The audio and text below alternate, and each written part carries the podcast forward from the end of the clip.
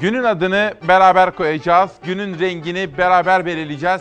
Dünyayı hep beraber maviye boyayacağız. Günaydın. Çok kıymetli Çalar Saat ailesi İsmail Küçükkaya ile Hakikat Yolculuğuna hoş geldiniz. 26 Şubat 2020 günlerden çarşamba İsmail Küçükkaya ile Hakikate Yolculuğu manşetini veriyorum. Halkımız ne istiyor?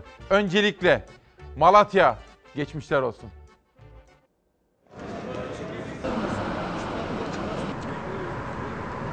Biz yatmıştık, ta derinde yatmıştık. Yani o kadar derin yatmakta biz öyle hissettik yani. Valla herkes bir korku içerisinde. Ee, diğer buna çok şükür bir zayiat olmadı, bir şey olmadı. Yani oturuyorduk, sallandık bayağı. O yüzden hemen arkadaşlarla beraber aşağı indik. Malatya ve Elazığ 4,9 büyüklüğündeki depremle sarsıldı. Vatandaşlar korkuyla uykularından uyandı. 4 kişi balkondan atlayarak yaralandı. 2 kişi panik atak geçirdi. Toplam 6 kişi hastaneye kaldırıldı. Burası depreme en yakın deprem bölgesi. Çok e, yaklaşık 3 kilometre mesafedeyiz. Çok şükür şu ana kadar bir can kaybımız yok. Saat 02.03'te yaşandı deprem. 4,9 büyüklüğündeki depremin merkez üssü Malatya'nın Kale ilçesi, derinliği ise 14 kilometreydi. Ulan neler söyleyeceğiz korktuk işte mecbur. Ne yapalım çoluk çocuğumuz var korktular. Malatya Valiliği depremde can kaybı yaşanmadığını, olumsuz bir durum olmadığını duyurdu. Alıştık, korkmuyoruz artık. Elazığ'da da hissedildi 4,9'luk deprem. 24 Ocak'ta 6,8 büyüklüğündeki depremin vurduğu Elazığlılar 4,9'luk deprem sırasında büyük korku yaşadı. 4 kişi korkuyla balkondan atlayarak yaralandı. 2 kişi ise panik atak geçirdi. 6 kişi hastanelerde tedavi altına alındı. Deprem sonrası yaşanan korkuyla vatandaşlar evlerine giremedi. Soğuk havaya rağmen ateşler yakarak, battaniyelere sarılarak geceyi dışarıda geçirdi. Allah korktuk bayağı. Bugün hem Malatya hem Elazığ hem de deprem korkusunu hisseden bütün illerimize hep beraber gideceğiz efendim. Biraz sonra daha da detaylandıracağım. Tabii her zamanki gibi hastalarımızı da unutmadık. Ameliyat masasına girenler var efendim. Onlardan birisi de bir çalar saat annesi Meral Konal. Rana Konal'ın annesi de bugün ameliyat olmuş. Ona da geçmişler olsun diyorum efendim. Bugün halkımız ne istiyor diye sorduk. Mustafa Varol, İsmail Bey günaydın. Halkımız ne istiyor? Hak, hukuk, adalet istiyor. Hak, hukuk, adalet. İşte bugün Malatya'da 4.9 büyüklüğündeki bir depremle başladık. İlerleyen dakikalarda detayları sizlere aktarma imkanı bulacağım. Bugün yönetmen koltuğunda Serdar Erdoğan kardeşim var. Hemen şimdi gazete manşetlerini huzurlarınıza getirecek. Bugün günün manşetlerini beraber okuyacağız. En önemli gündem koronavirüs. İtalya, İran, Irak, Türkiye, Çin, bütün bu bölgelerde ve dünyada koronavirüse ilişkin meydana gelen bütün gelişmeleri detaylı olarak sizlere aktaracağım. İşte Hürriyet'in manşetiyle başlıyorum.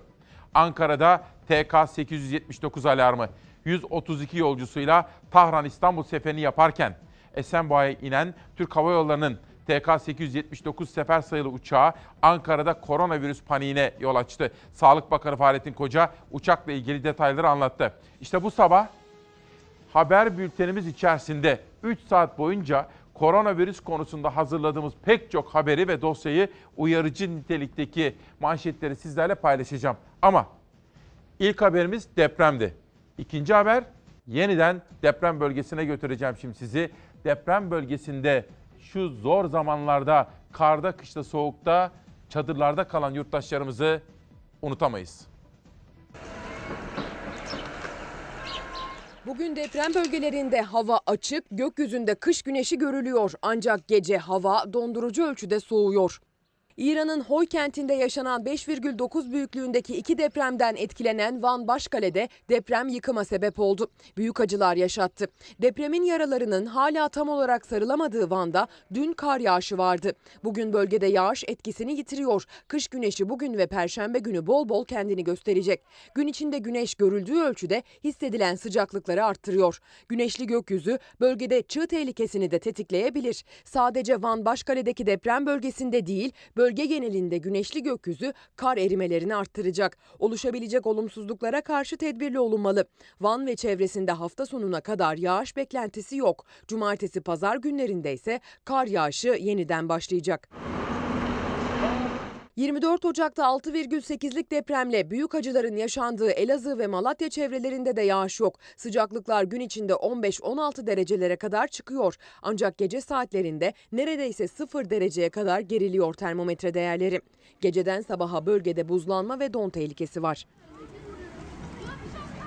Yurdun batısındaki deprem bölgesi Manisa'da ise bugün fırtına var. Perşembe günü ise sağanak yağmur. Bugün bölgede fırtına, çatı pano uçmalarına, ağaç devrilmelerine sebep olabilir. Perşembe günü ise deprem bölgesi Manisa'da sağanak geçişleri zaman zaman kuvvetini arttırabilir. Tedbirli olunmalı.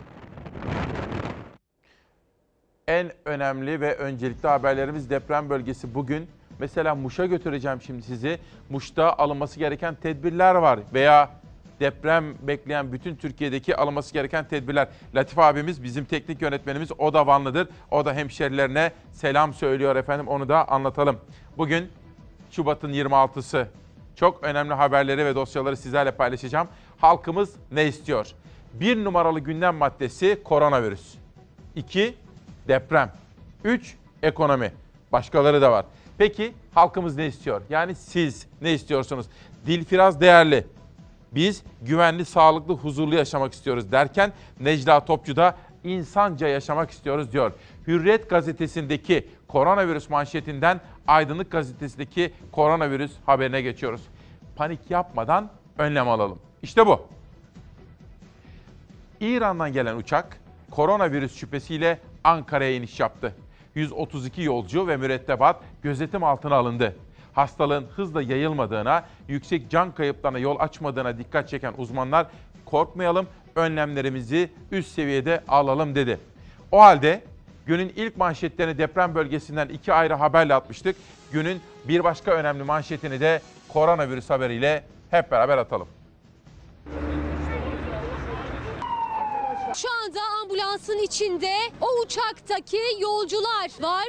bir korona virüsünün ülkemize sıçraması bizde ciddi boyutlara ulaşabilir. Bu hassasiyeti aynen korumak durumundayız. Erdoğan'ın tüm dünyayı tehdit eden koronavirüs için hassas olmalıyız açıklamasından birkaç saat sonra Esenboğa Havalimanı'nda bir uçaktan sağlık çemberi içinde indirilen yolcuların peş peşe ambulanslarla karantina hastanesine sevk edildiği görüntüler hareketli saatler yaşattı. Hem hastane içinde hem de bahçesinde olağanüstü hareketlilik yaşanıyor. Çünkü iddialara göre tam 17 yolcunun vücut ısıları kritik seviyenin üzerinde. İşte bu yüzden gözler Sağlık Bakanlığı'nda. Sağlık Bakanlığı'ndan 4 hastada öksürük ve boğaz yakınması olduğu ifade edilmişti. Rahatlatıcı haber Sağlık Bakanı Fahrettin Koca'dan geldi.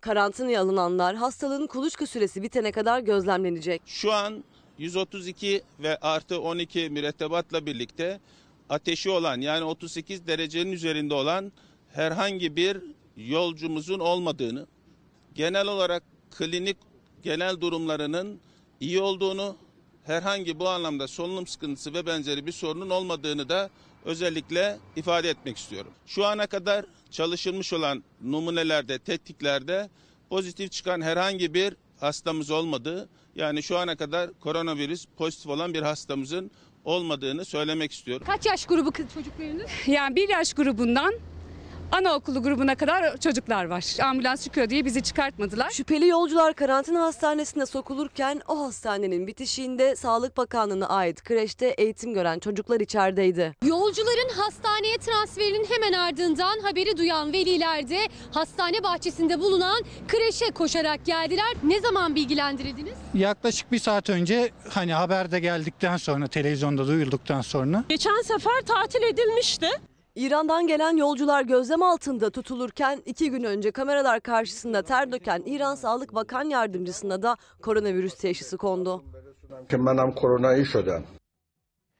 Demek ki okula gidecek kardeşlerimiz günaydın, zihin açıklığı diliyorum sizlere.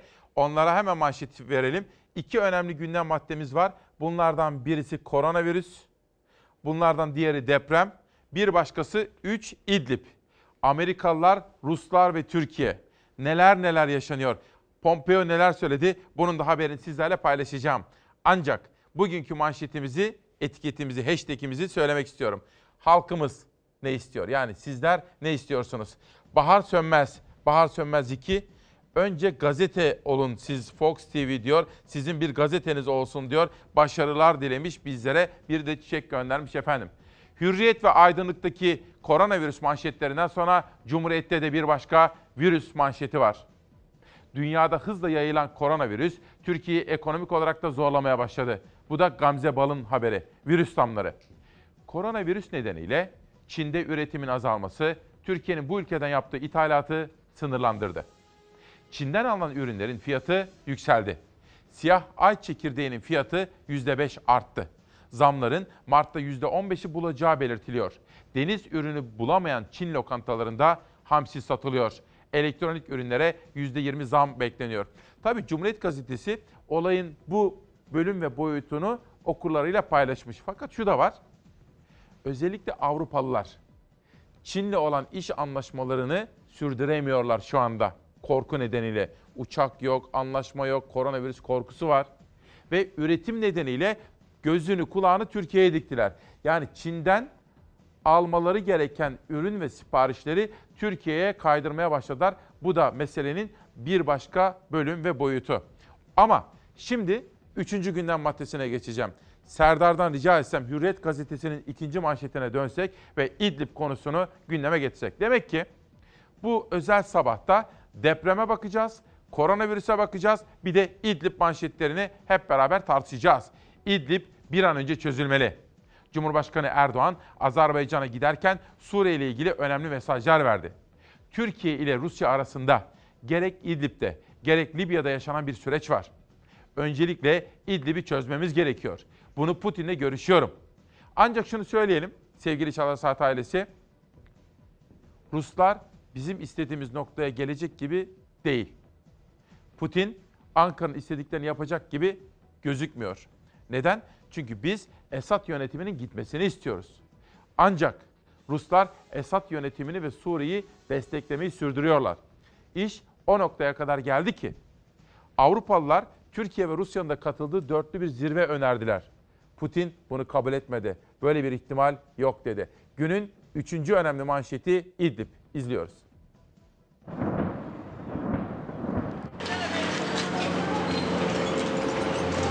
Regime the regime's offensive only heightens the risk of conflict with our NATO ally Turkey. Amerika'dan İdlib konusunda bir kez daha Türkiye'nin yanındayız mesajı geldi. Dışişleri Bakanı Pompeo NATO müttefikliği vurgusu yaptı. Türkiye ile birlikte çalışıyoruz dedi. Ateşkes çağrısını yineledi. The answer is a permanent ceasefire. Esad rejimi ve Rusya'nın saldırılarıyla İdlib'de bir türlü ateşkes sağlanamıyor. Türkiye ateşkesin sağlanması için hem diplomasi kanallarını kullanıyor hem de çözüm kartını elinde tutuyor. İdlib'de Esad güçlerinin Türk Silahlı Kuvvetlerine saldırısıyla tansiyon daha da yükseldi. Washington'dansa Ankara'nın yanındayız mesajları geldi. Amerika Birleşik Devletleri Başkanı Donald Trump geçtiğimiz hafta birinci ağızdan duyurdu Amerika'nın desteğini. We spoke about Idlib and we're working together Dün Amerika Birleşik Devletleri'nden bir kez daha Türkiye'ye sıcak mesajlar geldi. Bu kez o mesajların sahibi Amerikan Dışişleri Bakanı Mike Pompeo oldu. As President Trump said on Tuesday, we are working together with Turkey on seeing what we can do together. Pompeo NATO müttefikimiz Türkiye'nin yanındayız dedi. Rejimi uyardı. Ankara ile birlikte çalışıldığını duyurdu. The regime is the regime's offensive only heightens the risk of conflict with our NATO ally Turkey. Gördüğünüz gibi çok sıcak bir gün ve gündem bizi bekliyor. Peki gazete manşetlerinde başka hangi detaylar var? İzleyelim bakalım. Karar Gazetesi. İkinci uçağımız yok mu diye bir soru soruyor. Sağlık Bakanlığı'nın koronavirüse karşı aldığı yerinde önlemlerle doğru yürütülen süreç İran'daki vatandaşlarımızın gecikerek başlatılan tahliyesinde yara aldı. Tahran'daki Türkler ile ikinci Wuhan'a dönen kumdaki 12 kişi uyarılara rağmen aynı uçakla tahliye edildi. Sağlık Bakanı Koca bu vatandaşların ayrı uçakla getirilmesi gerektiğini ama bunun yapılmadığını söyledi ve işte bütün bu gelişmeleri de Karar Gazetesi editörleri ikinci uçağımız yok mu diye bir soruyla gündeme taşımışlar efendim. Karar Gazetesi'nden bir başka manşete geçeceğim ama bir dakika. Demek ki deprem Elazığ, Malatya, hatta Manisa, İzmir, hatta İstanbul. İki, İdlib konusu. Amerika, Rusya, Türkiye bağlamında Suriye meselesi. Bütün bunları bütün detaylarıyla konuşacağız. Ekonomiye ilişkin emekli ve esnafa dair de haberlerim var bolca. İlk selamımızı hastalarımıza, ameliyat olanlara söylemiştik. Başka başka gündemler de var. Mesela bugün 15-16 kitaptan bahsedeceğim. kültür sanattan bahsedeceğim. Veya, veya son yıllarda çok popülerleşti. Hayatın içindeki başka haberler. Mesela yeme içme, gastronomi. Mesela mesela Gaziantep, Hatay, Diyarbakır, Urfa bütün bunlar arasında bir yarış başladı. O yarış acaba nasıl sonuçlanacak?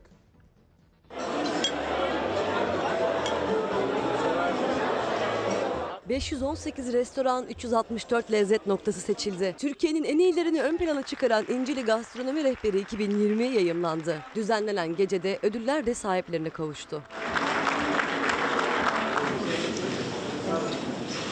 Bir yıl boyunca emek verildi. 200'e yakın gizli müfettiş son bir yıl içinde gittikleri restoranları değerlendirdi. Rehbere İstanbul, Ankara, İzmir, Bodrum'un yanı sıra Antalya ve Bursa'da eklendi. Gastronomi derecelendirme sistemiyle hazırlanan İncili Gastronomi Rehberi'nin ödül töreni de gerçekleşti. Geceye gazeteciler ve yeme içme dünyasından ünlü isimler katıldı. Düzenlenen gecede balık uzmanı Süreyya Üzmez de ödül kazandı. Ödülü oğlu Kore Üzmez aldı.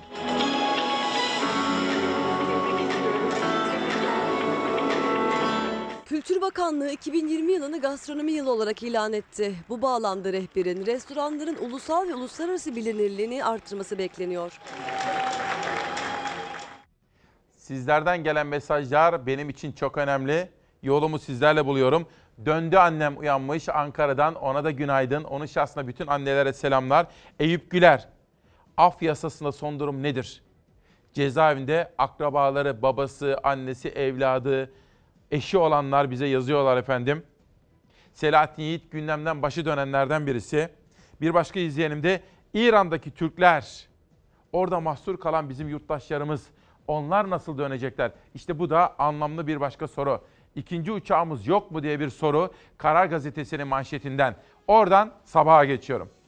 Sabah gazetesinin haberinin birinci sayfasındaki yansımasına bir bakalım. İran'dan tahliye operasyonu.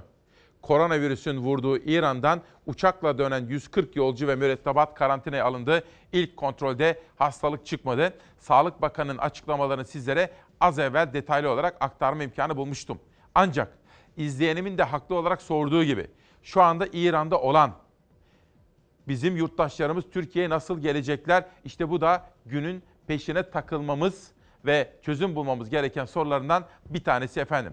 Bizim İsmail Küçükkaya ile Çalarsaat ailesinin temel felsefelerinden birisi.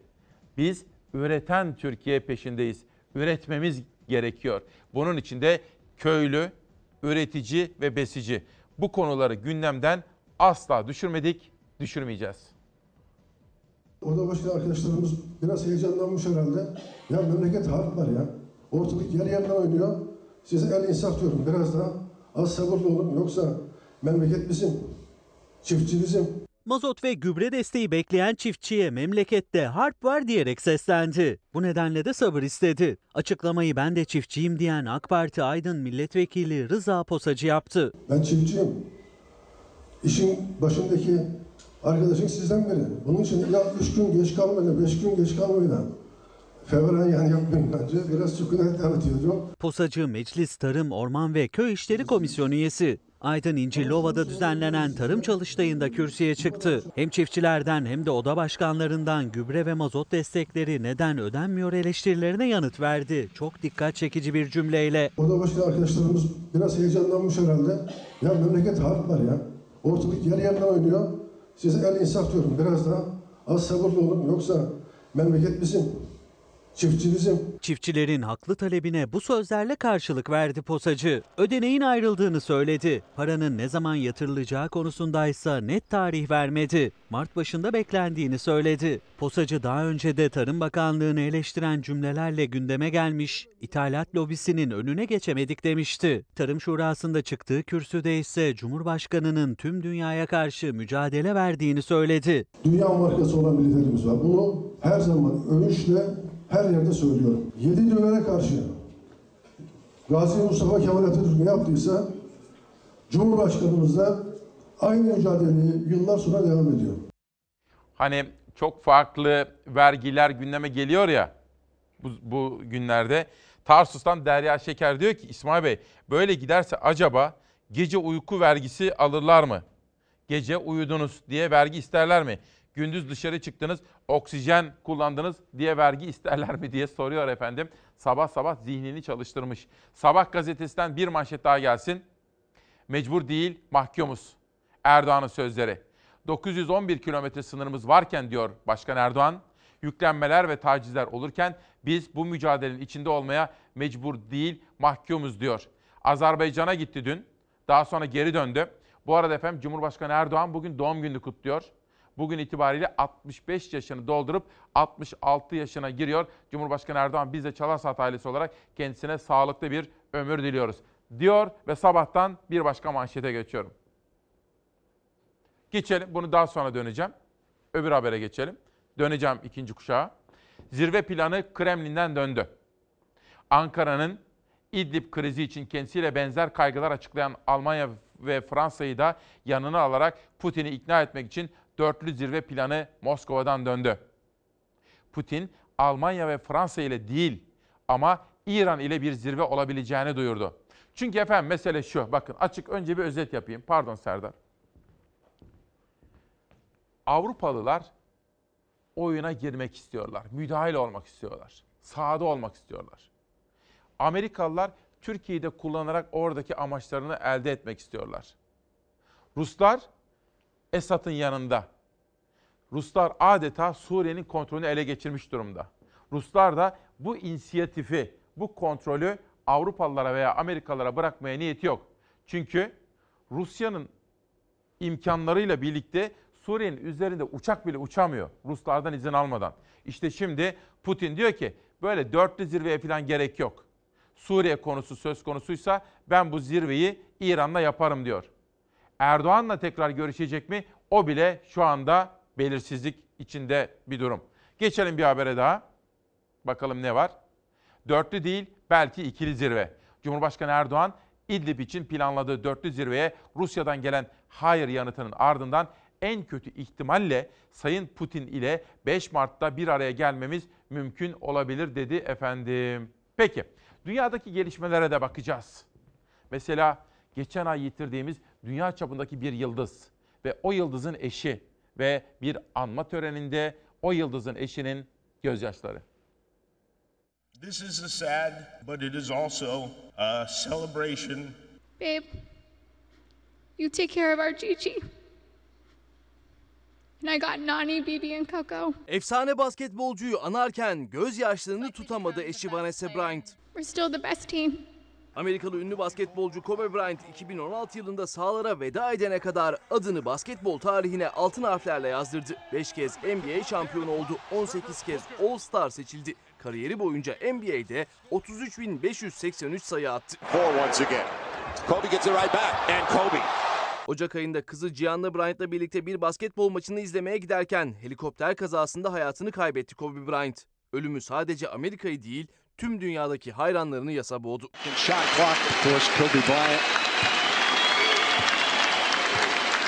Dün Los Angeles'ta Kobe Bryant ve kızı için anma töreni düzenlendi. Törende duygusal bir konuşma yaptı eşi Vanessa Bryant. Hem kendisi ağladı hem de dinleyenleri ağlattı. God knew they couldn't be on this earth without each other. He had to bring them home to heaven together. Törende konuşan bir başka isim, bir başka basketbol efsanesi olan Michael Jordan'dı. Jordan, Kobe ölünce benim de içimde bir parçam öldü dedi. That is what Kobe Bryant does to me. Şimdi ben az evvel bugün Şubat'ın 26'sı dedim ya. Cumhurbaşkanı Erdoğan'ın doğum günü demiştim. Danışmanım da diyor ki bugün aynı zamanda Ahmet Davutoğlu'nun da doğum günü diyor. Ben onu bilmiyordum. Hemen bu arada arkadaşlarımdan rica ettim. Onlar da teyit ettiler. Bugün hem Cumhurbaşkanı Erdoğan'ın hem de Ahmet Davutoğlu'nun doğum günüymüş. Biz Ahmet Davutoğlu'na da tıpkı Erdoğan gibi sağlıklı bir ömür diliyoruz efendim. Şimdi buradan bir haber daha gelsin sonra sabahın az evvel veremediğim 3. manşetine döneceğiz. Şehitler Tepesi'ne çocuklarını gönder. Cumhurbaşkanı Erdoğan'ın Şehitler Tepesi hiçbir zaman boş kalmayacak sözlerine CHP Genel Başkanı Kılıçdaroğlu sert yanıt verdi. CHP lideri çocukların var. Seni kefenle karşılayanlar var. Gönder onları oraya. Fakirin fukaranın çocuğundan ne farkı var onların diye sordu. CHP lideri Kılıçdaroğlu iktidarın Suriye politikası konusunda egemen güçlerin maşası haline geldiği iddiasını yeniledi. Cumhurbaşkanı Erdoğan'ın birkaç tane şehidimiz var ve Şehitler Tepesi hiçbir zaman boş kalmayacak sözlerini de eleştirdi CHP lideri Kılıçdaroğlu. Az evvel söylediğim gibi bugün depreme bakacağız. İdlib konusunu detaylı olarak işleyeceğiz. Koronavirüs en önemli manşetimiz. 7.15'te ilk haberi verdim. Sonra 8'de, 8.39'da bütün kuşaklarda koronavirüs haberlerini de aktaracağım. Esnafa ilişkin manşetlerim var. Hastalarımıza geçmişler olsun dedik. Şu anda sıcacık yataklarında bekleyen ve işe çıkacak olanları da buradan sevgiyle selamlıyoruz efendim. Dünyanın konuştuğu manşetler de ıskalanacak gibi değil. Dünyanın süper güçlerinden birisi de Hindistan. O da tıpkı Amerika gibi, Rusya, Çin gibi emperyal bir güç olma heves ve iddiasında. Amerika'nın en önemli manşetleri dünden itibaren Hindistan'dan atıldı. Neden? Çünkü Trump Hindistan'daydı.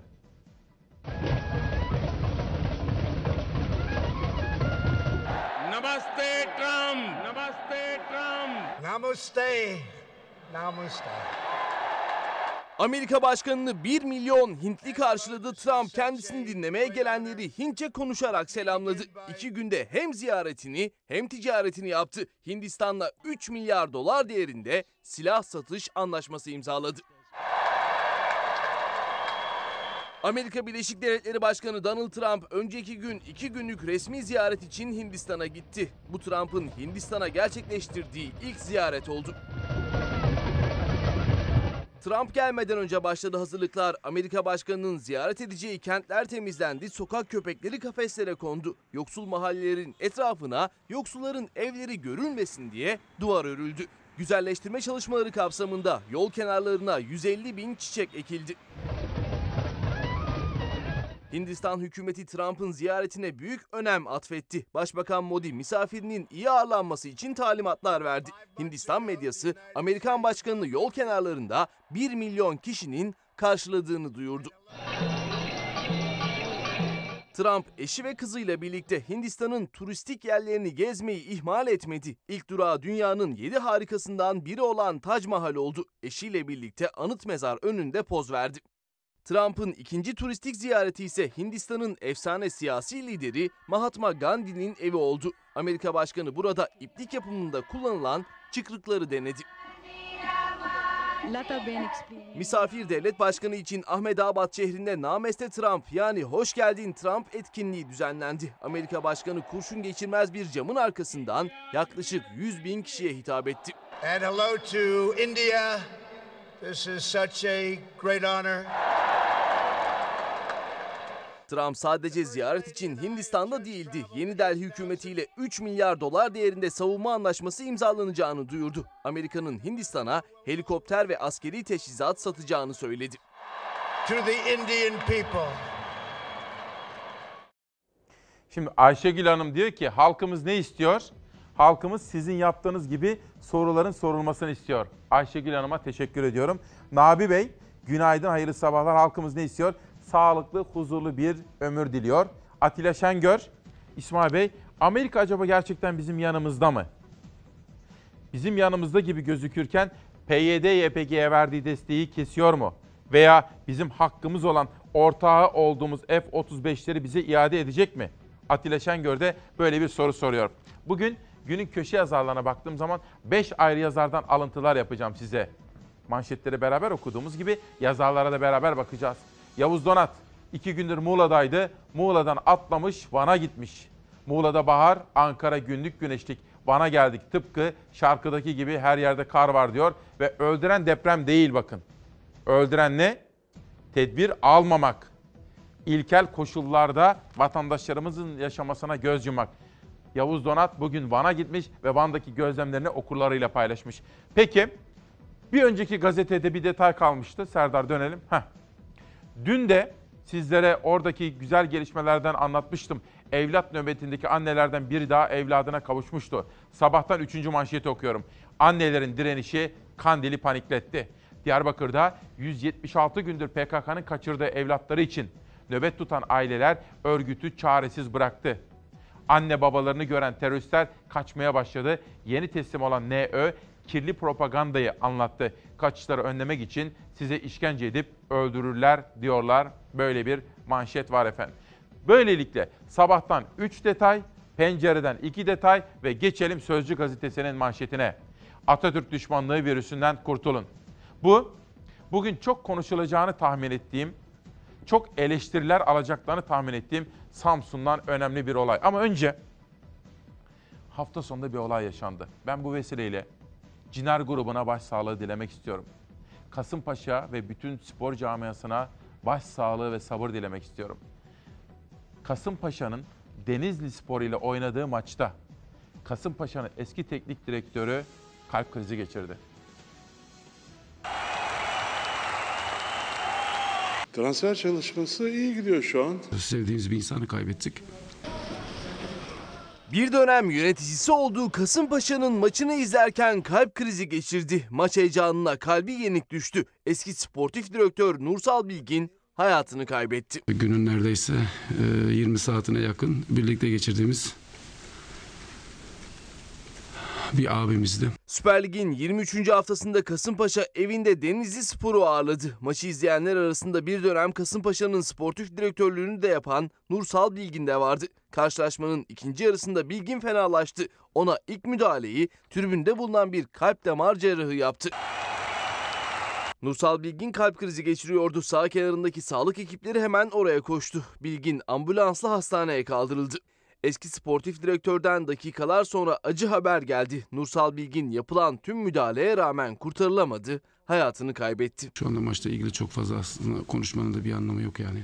Kasımpaşa'nın 2-0 galip geldiği maç sonunda konuşan Kasımpaşa Teknik Direktörü Nursal Bilgin'in kulübe olan tutkusunu anlattı. Sevdiğimiz bir insanı kaybettik. E, Günün neredeyse e, 20 saatine yakın birlikte geçirdiğimiz bir abimizdi. Maçın ardından Kasımpaşa takımı Bilgin'in hayatını kaybettiği hastaneye koştu. Kasımpaşalı futbolcular ve idareciler Bilgin ailesine taziye dileklerini iletti. Futbol camiasına sabır ve başsağlığı diliyorum. Murat Bey, halkımız ne istiyor? Gazetecilerden soru sormasını ve gerçekleri ortaya çıkarmasını. Sorum şu, siz korkmuyor musunuz İsmail Bey diye soruyor. Murat Bey korkacak bir şey yok. Hepimiz hak sahibi yurttaşlarız. Demokratik bir ülkede yaşıyoruz. Biz görevimizi yapıyoruz. Görevini yapan insanların haklı huzuru içerisindeyiz. Görevini yapan insanların bir şey korkacak bir şey yok. Çünkü anayasamız var, hukuk devletinde yaşıyoruz. Neden korkacaksınız ki? Suç işlemeyen korkmaz. Dolayısıyla bu sorunuza da teşekkür ediyor ve manşetlere geçiyorum. Deniz Ayhan'ın 26 Şubat tarihli Sözcü'deki manşetini okuyorum. Her fırsatta onun adını siliyorlar. Atatürk düşmanlığı virüsünden kurtulun. Samsun Belediyesi Su ve Kanalizasyon İdaresi yeni hazırladığı logoda Atatürk'ün 1919'da Samsun'a çıkışını simgeleyen silüete yer vermedi. İşte bugün bence günün konusu olur. Eğer doğruysa çok tartışılır. Daha önce AKP'li Samsun Belediyesi'nin logosunu kullanan Su ve Kanalizasyon İdaresi kendine yeni logo hazırlattı. Ancak eski logodaki Atatürk silüeti yeni logoda yer almadı. CHP'li vekil Neslihan Hancıoğlu, Samsun Mustafa Kemal'dir. Mustafa Kemal'i Samsun'un kimliğinden silmeye kalkanlar bizi temsil edemez dedi. Saski ise Atatürk'süz logoyu savundu. Şimdi bakınız. Allah aşkınıza mesela Samsun Büyükşehir Belediye Başkanısınız. Ya da Saski Genel Müdürüsünüz. Ya da Samsunlusunuz. Şundan gurur duymaz mısınız? Bakın şuna. Samsun dediğiniz zaman milli mücadelenin başladığı yerdir bağımsızlıktır, emperyalizmle savaşımdır. Atatürk'ün kurduğu modern Türkiye Cumhuriyeti'nin doğum yeridir orası adeta. Böyle bir logo dururken bakın şu. Böyle bir logo dururken bunu kaldırır insan bunu yapar mı ya? İnsanda akıl, izan, mantık, sağduyu, bir şuur, tarih şuuru, milli şuur, bir benlik şuuru. Bunlar olmaz mı insanda? İşte bunu biz bugün takip listemize alıyoruz ve günün bugüne ve yarına ilişkin en önemli manşeti olmaya namzettir. Hatta şimdiden anons ediyorum. Olağanüstü bir gelişme olmaz ise yarın Çalasat gazetesinde bu konuyu hem gazete manşeti yapmak hem de dosya olarak Samsun'dan gelen haberleri de derleyip toparlamak gerekiyor. Gerçekten bunu yaptılar mı? Ülkemizin kurucu önderinin adının ve silüetinin olduğu logoyu kaldırıp bu ne olduğu belirsiz, tuhaf, biçimsiz şekli mi logo olarak seçtiler. Biz bugün bunu takip listemize aldık diyorum efendim. Peki az evvel sizlere Yavuz Donat'ın yazısı üzerinden Muğla ve Van'a götürmüştüm sizleri. Şimdi Muğla'ya gidiyoruz. Muğla Büyükşehir Belediyesi ve Disk Genel İş Sendikası anlaştı. İmzalanan toplu iş sözleşmesiyle 336 işçinin 3 yıl boyunca alacakları zam oranı belirlendi. İşçi maaşlarına 2020 yılı için %14 zam yapıldı. En düşük maaşa 621 lira zam geldi. Benim varlığım hizmet etmek değil. Anlaşmaya göre 2020 yılı en düşük işçi maaşı 3119 liradan 3740 liraya yükseltildi. 2021 yılında yapılacak artışla bu rakam 4162 liraya çıkacak. 2022 yılı için belirlenen rakamsa 4621 lira. İşçilere 2021 ve 2022 yılları için enflasyonun %10'u geçmesi durumunda %2'ye kadar enflasyon farkı verilecek. İşçimizin bu mali durum içerisinde alması gereken en yüksek seviyeyi işçimize esirgemeden verme prensibimiz aynen bu toplu sözleşme döneminde de oldu. Muğla Büyükşehir Belediye Başkanı Doktor Osman Gür'ün işçimizin mali durumu içinde alması gereken en yüksek oranı veriyoruz dedi. Disk Genel İş Muğla Şube Başkanı Uzay Kocabaş da anlaşmadan çok memnun olduklarını ifade etti. İşte böyle sıcacık gündemler ve önemli manşetlerle huzurlarınızdayız. Bir gün gazetesinin haberini okuyorum şimdi. Ama bir dakika. Kriz ve Diyanet haberi var. Serdar pardon. 26 Şubat'ın hava durumu. Güney sahillerde yabancı turist kış güneşinin tadını çıkarıyor, doğudaysa vatandaş araçla aşılamayan karlı yollarda atlı kızakla hastaneye hasta yetiştiriyor. Yurdun batısında sıcaklıklar mevsim normallerinin üzerinde. Güney sahillere indikçe mevsim bahara dönüyor. Hava sıcaklığının 21, deniz suyu sıcaklığının 18 derece olduğu Antalya sahillerinde turistler denize giriyor, Akdeniz'in ılık sularının tadını çıkarıyor. Doğudaysa mevsim normalleri yaşanıyor. Kar yağışının yeniden etkili olduğu doğu illerde yine esaret görüntüleri yansıdı kameralara. Hakkari'nin Yüksekova ilçesinde bir hasta Yüksekova Devlet Hastanesi'ne ulaşmak için yaklaşık 13 kilometre atlı kızakla taşındı. Ambulansın karlı yolları aşamadığı kırsalda ambulansın yaklaşabildiği yere kadar kızakta taşınan Zübeyde Kılıçak güçlükle hastaneye yetiştirildi. Dün doğu kesimlerde birkaç günlük aradan sonra yeniden başlayan kar yağışı pek çok ili beyaza bürüdü. Kars, Ardahan, Iğdır, Van, Erzurum, Erzincan, Muş, Bitlis, Ağrı çevrelerinde yer yer yeniden kar etkili oldu. Ardahan'da öğle saatlerinde başlayan kar yağışı nedeniyle Şavşat Karayolu ağır tonajlı araçların geçişine kapatıldı. Tipi nedeniyle görüş mesafesi 5 metreye kadar düştü.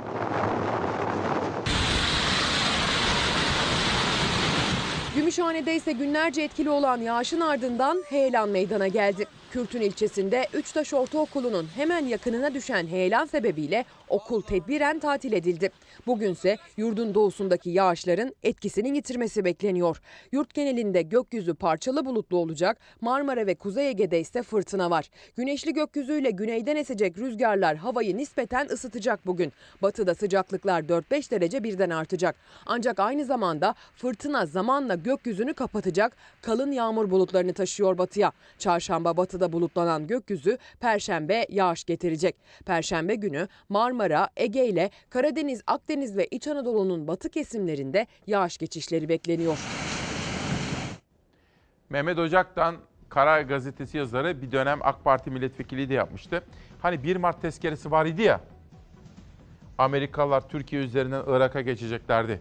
Bazı yalanlar ortaya atmışlardı. Kitlesel imha silahları. Onların yalan olduğu ortaya çıkmıştı. Parlamentoda 1 Mart tezkeresi kabul edilmemişti ya. Mehmet Ocak'tan diyor ki bugünkü yazısında bunun engellenmesinde, red kararı çıkmasında en büyük çabayı Abdullah Gül göstermişti diyor efendim. Az evvel Yavuz Donat'ın Van'daki izlenimlerinden bahsetmiştim. Bu kez hürriyete geçiyorum sabahtan. Nedim Şener. Dün sizlere emniyetteki bazı kaynaklarımdan aldığım bilgilerden bahsetmiştim. Rize Emniyet Müdürü cinayetinde FETÖ parmağını ortaya çıkaran emniyetteki kahramanlar şimdi de Yazıcıoğlu cinayetteki FETÖ parmağını araştırıyorlar. Nedim Şener de bu işin peşinde. FETÖ imamından Yazıcıoğlu itirafı ve o gün neler olup bittiğine dair şu anda araştırmalar yoğunlaşmış durumda. Bu cinayetin içinde de FETÖ parmağı olabilir. Nedim Şener'in hürriyetteki yazısından. Geçelim bir güne. Kriz Diyanete hiç uğramıyor. Halka ucuz sebze için akşam saatinde pazara gidin diye tavsiye veren Diyanet, kendisi için hiçbir masraftan kaçınmıyor. Diyanet'in Elazığ'da yapılan külliyesinin maliyeti 90 milyon yani eski parayla 90 trilyon lirayı geçti. Mustafa Bildircin, Diyanet'in bu, bu yılki bütçesini ve pek çok bakanlıktan çok daha fazla olan o bütçesinin analizlerini bugünkü sayfasında aktarmış efendim. Deprem bölgesinin haberini sundum ama yeni uyananlar var. Bir kere daha hatırlatmakta fayda görüyorum.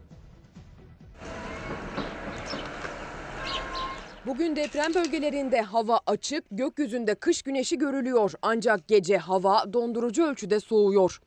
İran'ın Hoy kentinde yaşanan 5,9 büyüklüğündeki iki depremden etkilenen Van Başkale'de deprem yıkıma sebep oldu. Büyük acılar yaşattı.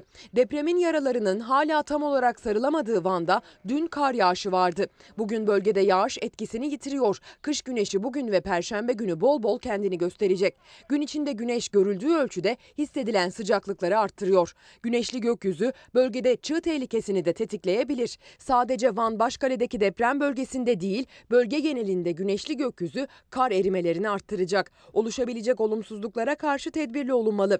Van ve çevresinde hafta sonuna kadar yağış beklentisi yok. Cumartesi pazar günlerinde ise kar yağışı yeniden başlayacak.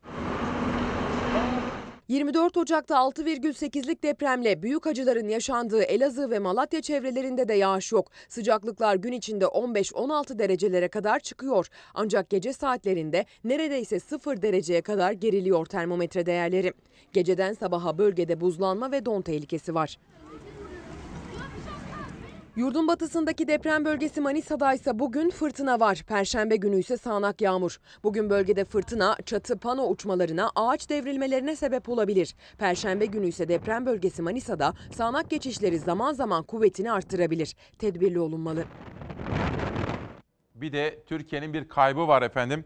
Muzaffer İlhan Erdost. Sol yayınlarının kurucusudur. Türkiye'de düşün hayatının mücadele tarihinin önemli bir kilometre taşıdır. Bu ülkede çok sıkıntılar çekmiş bir ailenin aydın bir bireyidir. Erdost'u kaybettik. Onun haberini sunacağım sizlere. Ama bu arada Vehbi Koç'u da ölüm yıl döneminde anarken Vehbi Koç'un mektubu. Bugün Günleri Civaoğlu Milliyet Gazetesi'ndeki köşesinde diyor ki dün sabah İsmail Küçükkaya Vehbi Bey'in vefat yıl dönümü bağlamında oğlu Rahmi Koç'a torunları için yazdığı bir özel mektubu sundu. Bu mektup işte tam da bahsettiğim gibi bir örnek diyor. Deneyimli gazeteci yazar bizim meslek büyüğümüz Güneri Civaoğlu dün bahsettiğimiz o mektuptan da alıntılar yapıyor bugünkü köşesinde. Her yıl hiç sektirmeden o da Vehbi Koç'u saygıyla anan isimlerden biridir efendim. Bir günden bir detay daha gelsin. Erdost'u kaybettik. Gittin mi Can diye soruyor. Marksist klasikleri Türkçe'ye kazandıran Sol yayınlarının kurucusu, ülkemizin önemli düşünce ve mücadele insanlarından Muzaffer İlhan Erdost 87 yaşında hayata gözlerini yumdu. Erdost 12 Eylül'ün ardından işkencede öldürülen kardeşi İlhan Erdost'un adını kendi adına eklemişti. Muzaffer İlhan Erdost kardeşinin ardından yazdığı şiirde şöyle demişti. İlhan, İlhan, İlhan, İlhan, sular çavlan, kuşlar pervan, gittin mi can, gittin mi can diye sormuştu. Haber yolculuğumuzun 24. durağı için şimdi Eğik Binalar ve İzmir'deyiz. Attı sokağın ortasına. Ha, 15 gün süre verdi bize. 15 gün sonra sonra çıkın dedi. Ben mesela emekli bir vatandaşım. Eşim yok. Kızım çalışmıyor. Tek başımayım. Aldığım 3 kuruş emekli maaşıyla şimdi kiralık eve taşınacağım. Zemindeki kayma nedeniyle binanın boşaltılmasına karar verildi. Oturanlar apar topar alınan tahliye kararına tepki gösterdi. Rezilliğin daniskası. Evimizdeki eşyaları satıyoruz ki araba tutup e, gidelim diye. İzmir Bayraklı'da Çiğdem Apartmanı'nın zemininde kayma olduğu şikayeti üzerine Çevre ve Şehircilik İl Müdürlüğü ekipleri inceleme yaptı. Binanın can ve mal güvenliği açısından tehlike oluşturduğu tespit edildi. Binamız tamamıyla boşaltıldı. Anlaşılacak bir müteahhitle verilecek. Apartmanımız yıkılacak burası. Bayraklı Belediyesi 22 daireli apartmanın sakinlerine tebligat gönderdi. Binanın 15 gün içinde boşaltılması istendi. Karar bina sakinlerini zor durumda bıraktı. Nakliyeciler, büyük firmalar e, yüksek fiyat çekti. taşımacı.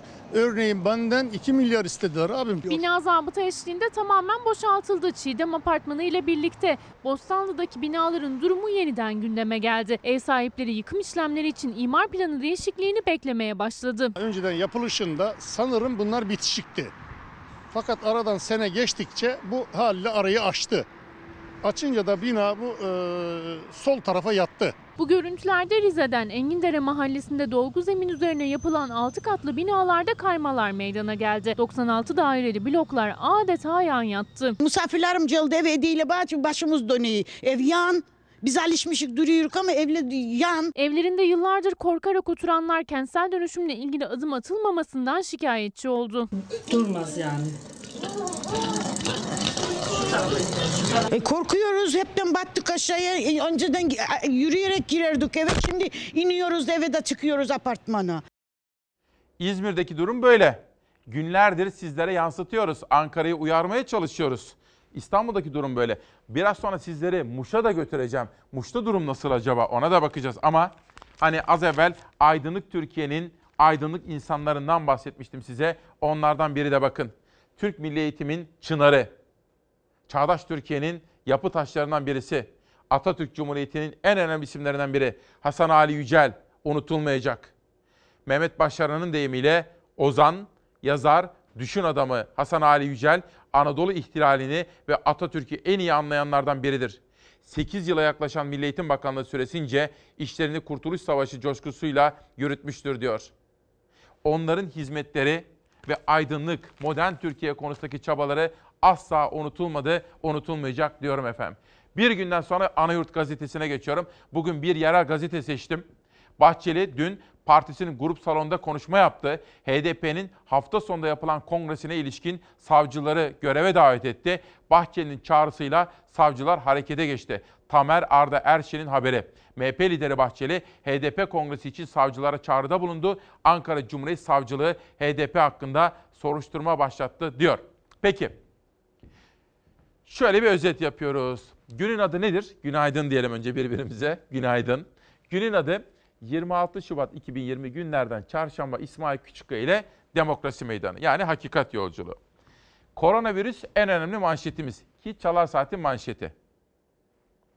Deprem Malatya, Elazığ, Manisa, İzmir deprem en önemli gerçekliğimiz. Ekonomi özellikle esnaf ve emekliye ilişkin iddialar ve bunun yansımaları.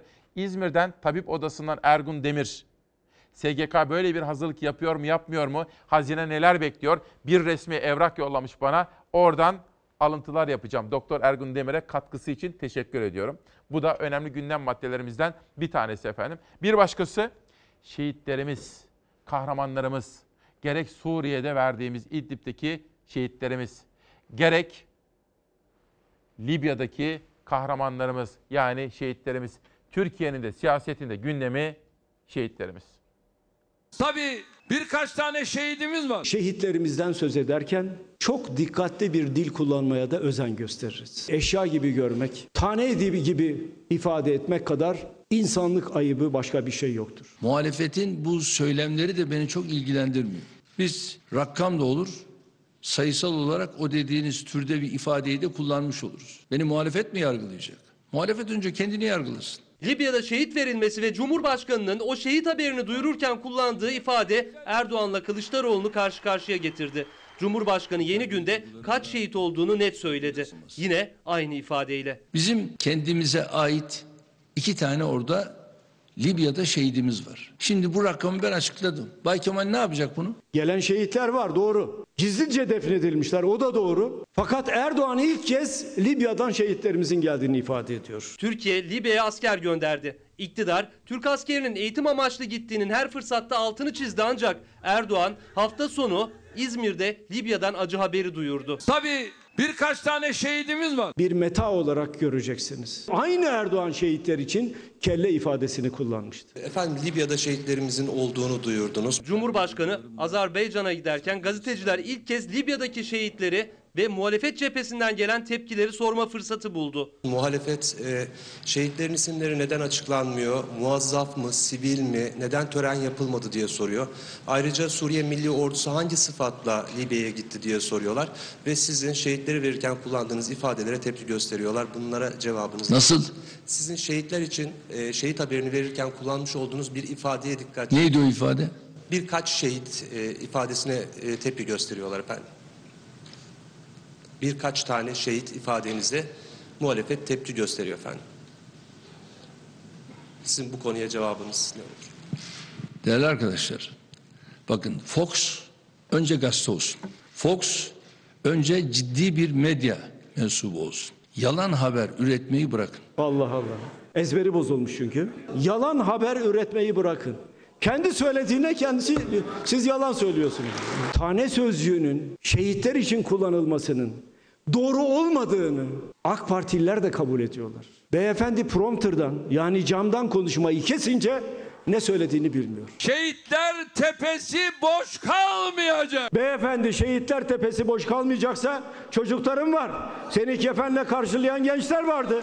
Onları gönder oraya. Niye göndermiyorsun? Bu nasıl muhalefet ya? Milyonlarca insan ülkesini terk ediyor. Kalkıp da Bay Kemal bunların hesabını sormuyor. Kalkıp bize akıl vermiyor. Ya o aklı sen kendine sakla da şöyle bir işe yarasın hiç olmaz. Cumhurbaşkanı Libya'da iki şehit olduğunu açıklarken yine isimlerini açıklamadı. Detay da vermedi. Suriye Milli Ordusu'nun Libya'da Türk askerinin komutasında olduğunu söyledi. Suriye Milli Ordusu'ndan bizim eğitici kadrolarımızın altında orada bulunanlar var. Suriye Milli Ordusu'ndan oraya gidenlerin ortak paydaları var. Evet şimdi bu konu dün sosyal medyada o kadar çok konuşuldu ki efendim. Bir öncelikle tabii dünden bugüne geçtik ya. Bugün Şubat'ın 26'sı. Bugün Sayın Cumhurbaşkanı ve aynı zamanda AK Parti lideri olan Sayın Erdoğan'ın doğum günü. Biz kendisine sağlık ve esenlik, kendisinin ailesiyle birlikte sağlık ve esenlik dolu bir yaş daha, pek çok yaşlar daha yaşaması temennisinde bulunuyoruz. İsmail Küçükkaya ile Çalar Saat ailesi olarak. İki, oradaki toplantıya katılan gazeteci arkadaşımız, meslektaşımız, aynı kurumda çalışmaktan onur duyduğumuz Barış Kaya. Onu da böyle alnından öpüyoruz çünkü muhatabına yani bir partinin liderine, bir ülkenin cumhurbaşkanına çok konuşulan bir soruyu net bir şekilde soru olarak yöneltti. Yani görevini yaptı Barış Kaya. Abartılacak bir şey yok, küçümsenecek bir şey yok ama görevini yaptığı için biz kendisine teşekkür ediyoruz. Gerçekten iyi bir soruydu. Ben de bakın 1991'lerden beri gazetecilik yapıyorum. O soru sorulması gereken ve o şekilde sorulması gereken bir soruydu. Barış Kaya bence günün hani öyle seçiyorlar ya bazı internet sitelerinde günün gazetecisi olmuştur diyoruz efendim. Barış Kaya'ya buradan sevgilerimizi, saygılarımızı gönderiyoruz kardeşimize. Ve günün manşetleri Türkiye Cumhuriyeti Cumhurbaşkanı pardon bir dakika biraz evvelki gibi. Şimdi bugün hani danışmanım da beni uyarmıştı. Bugün Sayın Erdoğan'ın olduğu gibi Gelecek Partisi lideri eski başbakanlardan Ahmet Davutoğlu'nun da doğum günü. Ona da biz yine aynı Erdoğan gibi ailesiyle ve ülkesiyle birlikte huzurlu, sağlıklı bir yaş, pek çok yaşlar diliyoruz efendim. Türkiye Cumhuriyeti Cumhurbaşkanı'ndan bir alıntı seçtim. Cumhurbaşkanı Erdoğan dün Azerbaycan'a gitti. Aliyev'le görüştü. Bazı temaslarda bulundu ve gece yarısında Türkiye'ye geri döndü efendim. Bu da günün önemli manşetlerinden biri. Hatta haber hazırdı bunun. Serdar hazır mı? Peki Cumhurbaşkanı Erdoğan'ın dost ve kardeş Azerbaycan'a yaptığı ziyaret. Günün manşeti.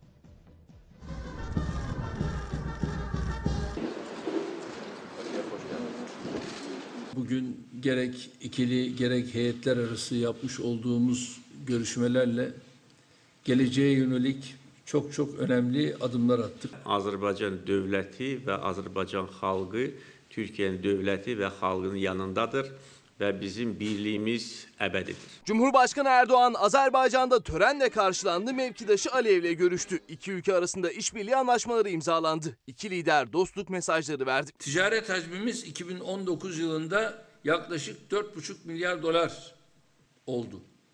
Bu rakamı 2023 yılında inşallah 15 milyar dolara çıkaracağız. Hedefimiz bu. Cumhurbaşkanı Recep Tayyip Erdoğan, Türkiye-Azerbaycan Yüksek Düzeyli Stratejik İşbirliği Konseyi 8. toplantısına katılmak üzere Azerbaycan'a gitti. Erdoğan'ı Azerbaycan Cumhurbaşkanı İlham Aliyev karşıladı. İki lider önce baş başa görüştü. Cumhurbaşkanı Erdoğan görüşme öncesinde Aliyev'e tesbih hediye etti. Erdoğan ve Aliyev daha sonra işbirliği konseyi toplantılarına başkanlık etti ve bir dizi anlaşma imzalandı toplantılar sonunda. Biz Azerbaycan'ın başarılarıyla iftihar ediyoruz. Bundan sonra bu başarılara yeni başarıların ilave olacağından da hiçbir endişemiz yok. Erdoğan Türkiye'nin Azerbaycan'a verdiği desteği bir kez daha dile getirdi. Karabağ sorununa değindi.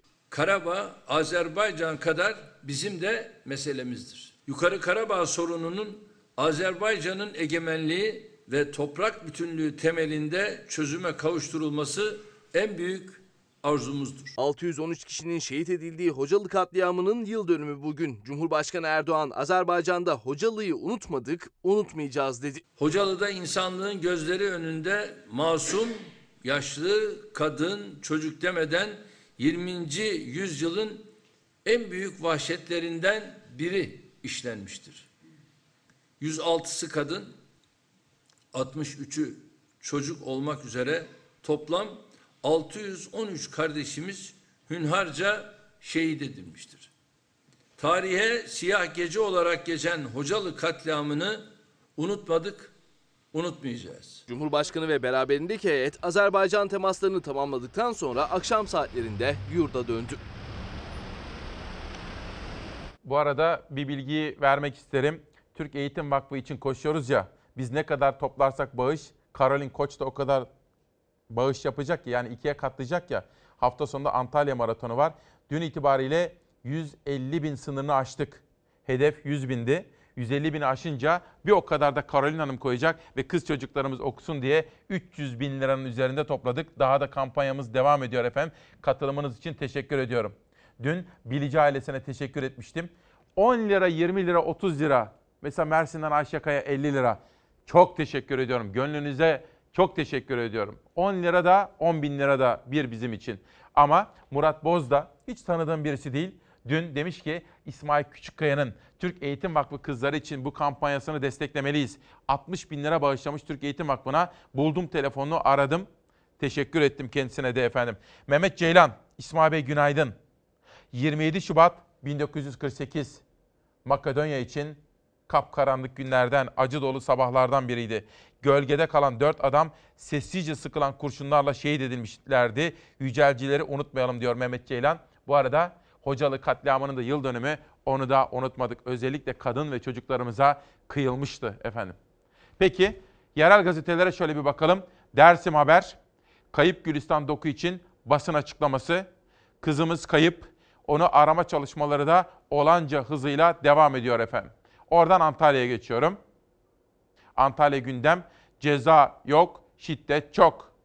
Canan Güllü hocamız konuşmuş. Kadına yönelik şiddete ilişkin önemli bir açıklama yapmış. Alınması gereken tedbirleri de Yaprak Özer'e anlatmış. Geçelim Antalya'dan. Kayseri'deyiz bu kez. Yeni Doğan gazetesi hepimiz yoksuluz. 4 kişilik ailenin açlık sınırı 2257 lira olarak belirlendi. Kayseri'deki bu olay geldi. Ve oradan Urfa'ya geçiyoruz. Şanlıurfa, borç batağındaki çiftçi destekleme yolu gözlüyor. Destekleme paraları ne zaman ödenecek diye dün de sizlere bazı gazetelerden aktardığım haber Şanlıurfa gazetesinde İbrahim Halil Aslan'ın özel haberiyle karşımızda. Bu bir dursun. Bu bir dursun. Yozgat'a geçeceğim ama. En son Erdoğan'da kalmıştık. Erdoğan'dan Cumhurbaşkanı'na bir geçelim. Erdoğan'dan Erdoğan haberinden hemen sonra CHP liderine geçelim. Kılıçdaroğlu Yargıtay Başkanı'na, Anayasa Başkanı'na sorun. Adalete duyulan güvenin yerlerde süründüğünü iddia ediyor CHP lideri Kılıçdaroğlu. Kılıçdaroğlu dün partisinin grup toplantı salonunda yaptığı konuşmada Osman Kavala meselesinden bahsetti. Osman Kavala Gezi davasından beraat etti. Eşi ve sevenleri onu almak üzere cezaevine gitmişti. Kılıçdaroğlu dedi ki Osman Kavala bu tahliye kararından sonra tahliye işlemleri bitmişti ve cezaevi nakit aracına bindirilmişti. Gidecekti artık. Özgürlüğüne kavuşuyordu. Ancak tam o sırada Osman Kavala cezaevi aracındayken tahliyesine doğru giderken Cumhurbaşkanı Erdoğan'a bir konuşması yargıya müdahale niteliğinde iddia Kılıçdaroğlu'na ait ve daha sonra harekete geçen savcılık makamının mahkeme kararının Neticesinde Kavala'nın bir başka suçtan tutuklandığını belirtti ve adalet kavramını yerlerde süründürmeye kimsenin hakkı yoktur dedi Kılıçdaroğlu. Heyet yarın ülkemize gelecek. Biz bu mücadelenin içerisinde olmaya mecbur değil, mahkumuz. Niye mahkumsun? Amerikalılar mal varlığını araştırırlar diye mi mahkumsun? 3 milyona varan eğer bizim sınırlarımıza doğru bir yüklenme varsa buna eli bağlı mı duracağız? İdlib'de Suriye ordusuyla yaşanan sıcak temas, devam eden askeri hareketlilik, siyasetin yakın takibinde. Cumhur İttifakı ile muhalefet karşı karşıya. Gözlerse 5 Mart'ta Türkiye, Rusya, Almanya ve Fransa'nın aynı masada buluşup buluşmayacağında. Sayın Macron'la Merkel ve Sayın Putin arasında tam bir ittifak söz konusu değil. Fakat 5 Mart'ta bizim en kötü ihtimalle Sayın Putin'le bir araya gelmemiz söz konusu olabilir. İkili temaslara yönelik konuşulmuyor ancak çoklu formatta bir görüşme üzerinde çalışılıyor. Henüz bir karar alınmadı. Zira potansiyel tüm katılımcılar henüz onay vermedi. Cumhurbaşkanı Putin'le yüz yüze görüşeceklerini söyledi ama Kremlin'den gelen açıklamada ikili görüşme planlanmadı dendi. Rusya, İran'ın da masada olması gerektiğini söyledi. Pimpon topu gibi. Kahraman Putin bir süre geçiyor. Hain Putin. Kahraman Trump bir süre geçiyor. Hain Trump. Sen kimsin Allah aşkına ya? Rusya rejim güçlerine en üst düzeyde desteği veriyor. Hava kuvvetleri noktasından desteğini veriyor. Bizim burada 911 kilometre sınırımız varken biz böyle bir mücadelenin içerisinde olmayacağız. Onlar mı olacak? Egemen güçlerin gösterdiği havucun peşinde koşarsanız memleketi felakete sürüklersiniz. Tek bir Mehmetçiğimizin tırnağı bütün Suriye'den daha değerlidir. Türkiye Cumhuriyeti Devleti'nin ordusu sarayın ordusu değildir. Şu anda ben buna savaş diyebilirim. Milletler arası hukukun meşru saydığı hallerde savaş hali ilanına izin verme yetkisi Türkiye Büyük Millet Meclisi'nindir. Niye gelip meclise kapalı oturumda bilgi vermiyorlar? Ha sen şunu söylüyorsan Suriye'den çıkmayacağım, İdlib'i de alacağım, Halep'i de alacağım, Şam'ı da alacağım, bütün bunları Türkiye Cumhuriyeti Devleti toprağına katacağım diyorsan tamam onu söyle çık söyle. Putin'in ikili oynaması, önde Sayın Erdoğan'a sarılırken arkada Esad'ı kucaklaması tam bir çelişkidir. Kılıçdaroğlu İdlib politikasını sert bir dille eleştirirken Bahçeli yine Rusya konusunda uyardı iktidarı. Sizlere bir bilgi vereceğim. Biz sabah hazırlıklarımızı yaparken konuştuk hepimiz, bütün ekip arkadaşlarımla birlikte. Zafer bir şey söylemişti. Sonra ben Zeray'a sordum. Zeray dedim Barış'la konuşuyor musun? Olay şu. Cumhurbaşkanı Erdoğan Azerbaycan'a gidecek. Gazeteciler kendisini izlemekle görevli muhabir arkadaşlarım kendisine sorular soracaklar. Teyit etmemiz gerekiyordu. Zeray teyit etmiş. Mutat olduğu üzere yani her zaman yapıldığı gibi Cumhurbaşkanı gelmeden evvel Cumhurbaşkanlığı İletişim Dairesi Başkanlarının görevlileri gazetecilere soruyorlar. Kimler soru sormak ister? Bizim Barış Kaya da kaldırıyor. Onun da sorusunu alıyorlar. Ne sormak istiyorsun? Yani önceden Cumhurbaşkanı'na bu sorunun sorulacağı belli. Yani şehitlerle ilgili o soru gündeme gelecekti. Bu genelde böyle yapılıyor idi de ama biz yine de dedik ki nemize lazım teyit edelim. Ve Zeray Barış Kaya'yla da konuştu. Evet her zaman olduğu gibi soru önceden alınmış. Yani Cumhurbaşkanı Erdoğan da aslında bu sorunun Fox tarafından kendisine sorulacağını biliyordu. Efendim biz de bunu bir detay olarak aktarmış olalım. Bir kere daha söyleyelim. Barış Kaya kardeşimiz görevini yapmıştır. Çünkü gazeteci ne yapar? Sizin hakkınızı savunmak için soru sorar. Muhatapları da ona göre yanıt verecekler efendim. Yeni çıkan kitaplar Güneş Altunkaş, Hokus Pokus, Ben Komiser Ercüment, Gerçek Bir Sihirbazım diyor. Nemesis kitaptan çıkmış. İmzalı olarak bana bu sabah geldi. Teşekkür ediyorum yazarına. İzmir'den içinde bana bir mektup var. Ender Yorgancılardan, köy enstitülerinden günümüze eğitim ve arayışlar. Profesör Doktor Kemal Kocabaş. Tabii biraz evvel Hasan Ali Yücel'den de bahsetmiştim. Dün Bursa'da bir konser vardı. Anna Tifu, dünya çapındaki bir keman sanatçısı. Bursa'daki izleyenlerim bana yazmışlar, çok etkilenmişler. Daha sonra bakın 26 Şubat'ta yani bugün Eskişehir'de, 27 Şubat'ta Ankara'da, 28 Şubat'ta da İstanbul'da Tekven Filarmoni Orkestrası ile birlikte çalacak efendim. Onun da haberini sizlere kültür sanattan vermiş olalım. Bir Yozgat gazetesi vardı. Restore çalışmalarına başlanılan Fatih ve Nakıpzade'de uzun süredir çalışma yapılmıyor. önceki yıl restore edilmeye başlanılan Fatih ve Nakıpzade camilerindeki çalışmaların ödenek yetersizliğinden durduğu ileri sürüldü ve işte bu önemli olayda Yozgat gazetesinin birinci sayfasında yer almış. Sizi Yozgat'tan Muş'a götüreceğim ama arada bir Antalya'ya gelelim. Bakın bu bizim Türkiye'de kadınları güçlendirmemiz gerektiği konusundaki çalışmalarımızı biliyorsunuz. Ve siyasette kadınların sayısı artsın istiyoruz. Parlamentonun yarısı kadınlardan oluşsun. Antalya'da bisiklet turu vardı. Reklamcılar Derneği de bütün hem valilikle hem de pek çok sivil toplumla bir araya geldi. Tour of Antalya kapsamında kadına yönelik şiddeti önleme konusunda farkındalık geliştirdiler efendim. Yani Yozgat, Antalya sıra geldi Muş'a. Bir de duvarlardan çıtırtı ses geliyor. Allah da bilir ben sabah namazına kalkıyorum. Kış kış kış sesler geliyor valla. Çok korkuyoruz. Bir deprem olursa Elazığ depremi gibi bir deprem olursa biz kurtulamayız. Kurulacak bir mal değil. Ve bugün bunu gören bir şahıs diyecek ki bu memleket nasıl bir şey ki bugüne kadar bunu bekletmişler ve bunun içinde nasıl insanlar yaşarlar. Aradan tam 40 yıl geçti. Depremzedeler için yapılan sarı bloklar neredeyse yıkılmak üzere. Her an çökme tehlikesi bulunan binalarda yaşayanların gidecek başka yerleri yok. Elazığ depreminden sonra tam korku sardı diyor. Binalarımızın içini gelin görün. Demirleri hep dışarıya çıkmış. Araba geçince bile sallantı oluyor. Mağduruz. Buradan ben, e, Cumhurbaşkanı'na sesleniyorum. Gelsin bizim binalarımızı yani bize bir el atsın evlerimiz yıkılıyor başımıza. 1966 yılı Ağustos'unda tarihinin en büyük deprem felaketlerinden birini yaşadı Muş. Varto yerle bir oldu.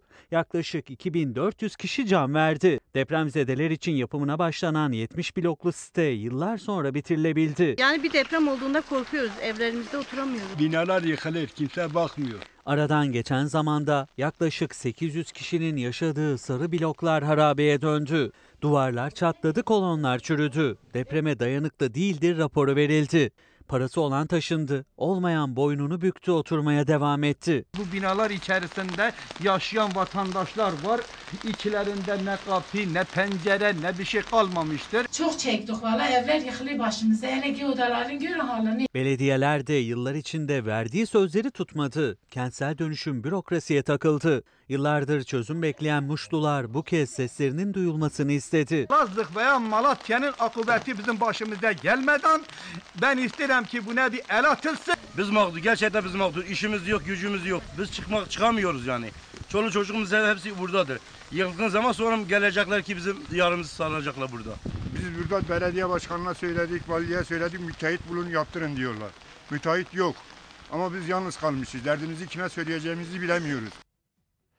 Halkımız ne istiyor 26 Şubat'ta? Demek ki koronavirüs en önemli manşet. Yine o kadar önemli deprem. Bu ikisi ana yörüngemiz. Bunun dışında ekonomi ve İdlib'de yine gündem maddelerimizden bir tanesi. Ahmet Bey diyor ki günaydın hayırlı sabahlar İsmail Bey. Neden Fox gazetesi ya da haber kanalı olmuyor diye soruyor. Ah keşke diyorum. Bu arada dün bir müze gezisi yaptım. Hisart'a gittim. Necat Çuadaroğlu ile tanıştım. Kültür, tarih, coğrafya o kadar zengin eserler vardı ki efendim. Osmanlı İmparatorluğu, Selçuklu, Cumhuriyetimiz, Atatürk o kadar değerli eserler vardı ki Necat Çuadaroğlu benim yeni tanıdığım, dün itibariyle tanıdığım birisi şöyle bir soru sordu. İsmail Bey dedi bizim neden bir İstiklal Harbi Müzemiz yok diye sordu. Size Necat Çuadaroğlu ile yaptığım sohbetten detaylı olarak yeri ve zamanı geldikçe bahsedeceğim efendim Hisat Müzesi'nden.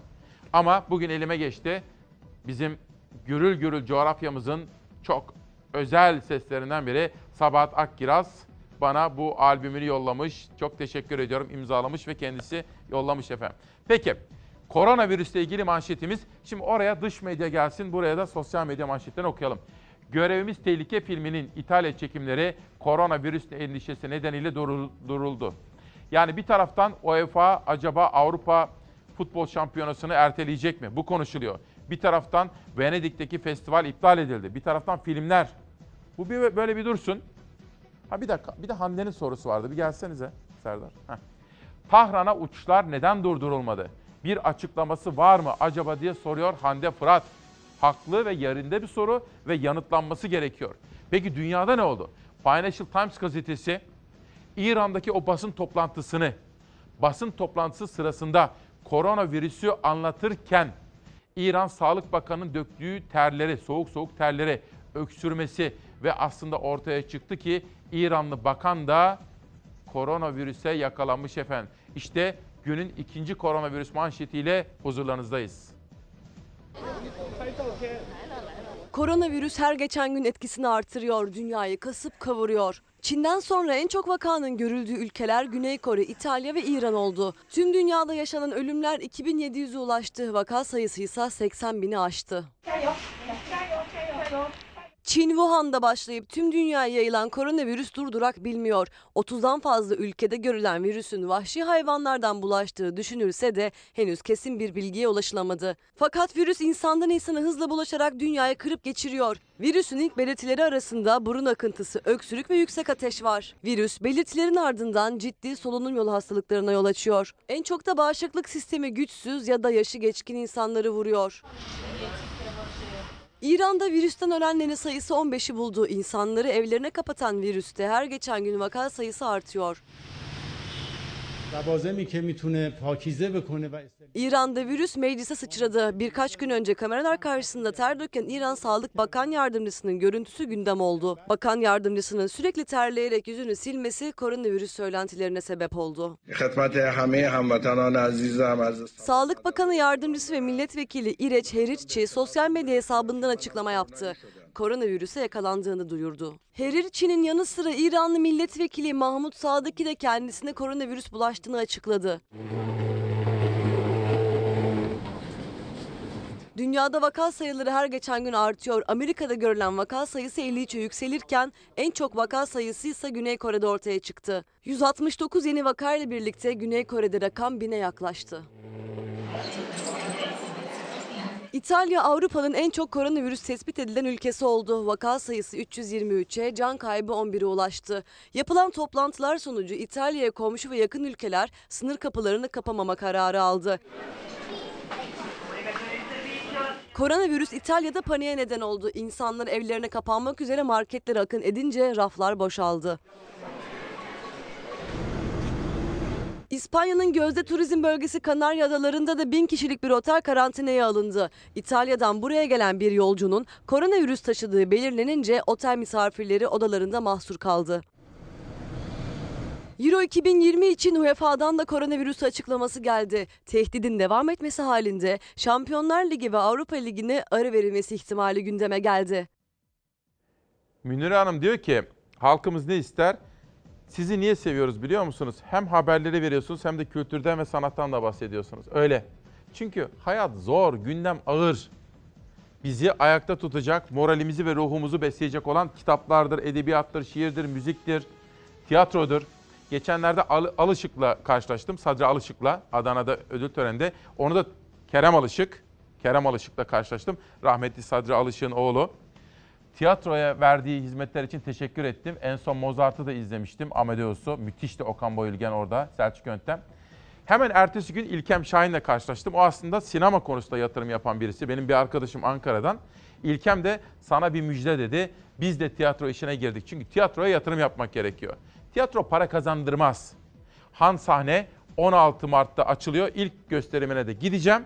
Galası yapılacak ve o gün izlenimlerimi sizlerle de paylaşacağım. Bu arada hem Alışığı hem de İlkem Şahin gibi para pul kazanamayacakları tiyatroya yatırım yaptıkları için içtenlikle teşekkür ediyorum. Bir amatör kültür izleyicisi olarak. Ötüken'den Kırım'a, Kırım'dan Anadolu'ya var olma savaşı Kırım Türkleri. Talat Giray. Bu kitabı da İlber Ortaylı hocama armağan edeceğim. Aylık olan kahvaltılarımız için Ali Kemaloğlu ile buluştuğumuz zaman hocamıza vereceğim bunu. Küreselleşen dünyada iletişim üzerine disiplinler arası yaklaşımlar editörü Doktor Hicabi Arslan imzalayarak bana yollamış hocamız teşekkür ediyorum. Ve bir de İstanbul'un kültürel zenginlikleri, değerleri, varlıklarından bahsedeceğim. Aa şu fotoğrafı bir anlatayım. Dün sosyal medyada çok konuşuldu bu. Zeynep Gürcanlı da bunun üzerine yorumlar yapmıştı. Pek çok. Nesrin Naz, Zeynep, Metin Gürcan bakın. İtibardan tasarruf olmaz. Fotoğrafa lütfen dikkate bakınız. Fotoğrafta 5 Avrupa ülkesinin lideri var. Almanya şansölyesi Merkel var.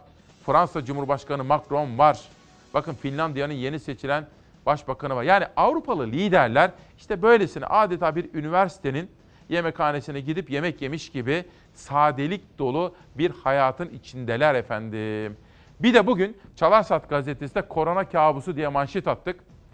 Zeray Kınacı ile birlikte yaptık. Hazırlıklarımızı Nihal Kemaloğlu ve bütün ekip arkadaşlarımla, Zafer Söken'le, Beyza Gözeyik'le, Ezgi Gözeger'le, Tuğba Hanım'la. Bak Tuğba Özdavul bizim gazetemizi çizen arkadaşımız. Bu konudaki haberleri de biraz sonra sizlere çok detaylı olarak aktarma imkanı bulacağım. Ama izin verirseniz. Bugün de bir sade kahve hak ettim mi ne dersiniz? Bir sade kahve içip bir de sürpriz konuğum var. Dünün olay adamı. Dünün bir numaralı ismiydi bence. Onu da huzurlarınıza getireceğim ama önce bana bir sade kahvelik izin verin. Bir kere daha günaydın. Çok değerli Çalar Saat ailesi sizleri sevgi ve saygıyla selamlıyorum. 26 Şubat 2020 günlerden çarşamba İsmail Küçükkaya ile Demokrasi Meydanı'ndasınız. Şu andan itibaren yönetmen koltuğunda Savaş Yıldız kardeşim var ve bir de konuk. Sizler için davet ettim. O da sağ olsun bizi kırmadı. Erkenden uyandı ve sizlerle buluşmak üzere buraya geldi. O genç kuşağın başarılı temsilcilerinden bir tanesi. Murat Ağırel. Hoş geldin kardeşim. Merhaba, Nasılsın? hoş bulduk. Gayet iyiyim. Siz nasılsınız? Sağ ol, çok teşekkür ederim. Sağ olun. Şimdi Murat'ı neden buraya davet ettiğimi sizlere anlatmam gerekiyor. Dün en çok üzerinde konuştuğumuz, kulağını en fazla çınlattığımız ve aslında en fazla üzerinde durup ders almamız gereken konunun bir numaralı kahramanı. Yeni Çağ Gazetesi yazarı. Savaş hazır mıyız? İzleyelim.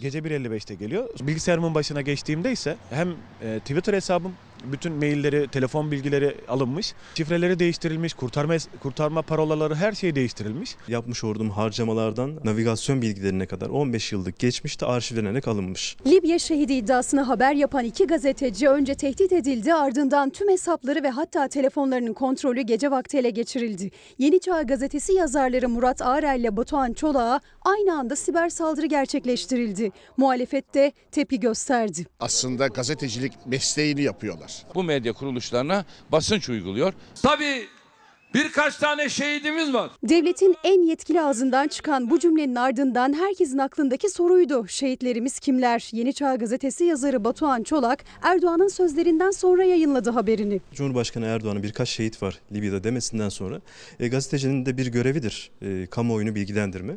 Elimdeki bilgileri teyit ettikten sonra kamuoyuyla paylaştım.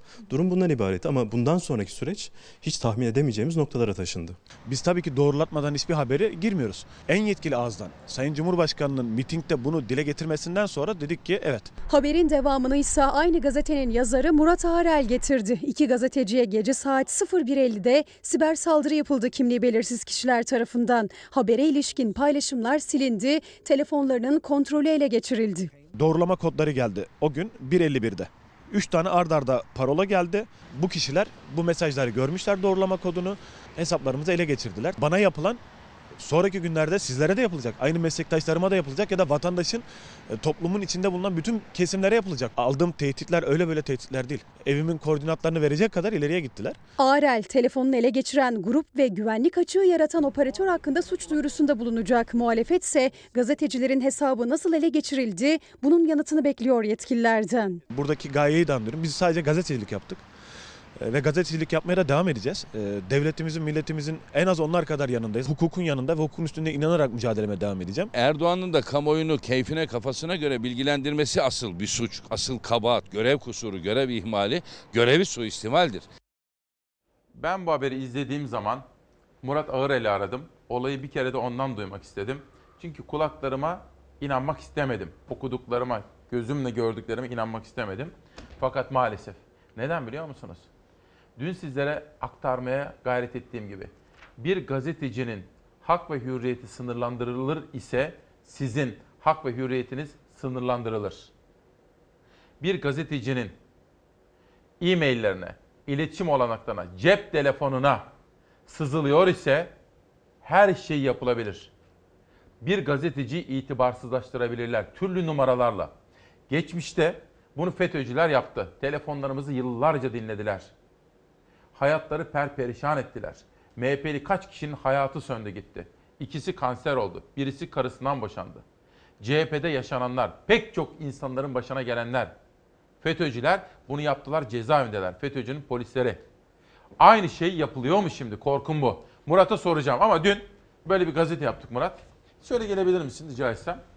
Dün dedik ki gazetecilere siber saldırı yani internet dünyası üzerinden teknolojinin imkanları kullanılarak bir saldırı, bir bir vahşet bu aslında. Hepimizin başına gelebilir. Şimdi Murat bunu bize bir anlat. Nasıl oldu? En baştan şöyle. Çünkü devletimiz de bizi izliyor. Onlar da gereken önlemleri alsınlar ya da gereken dersleri çıkarsınlar. En az bizim kadar endişelidir onlar da. Öyle umuyorum. Ee, Libya ile ilgili birçok haber geliyor. Gazetecilere daima haber gelir zaten. Ama bunları doğrulatmadan ya da devlet kaynaklarından bunların bir şekilde teyidini almadan kesinlikle haber yapılmaz.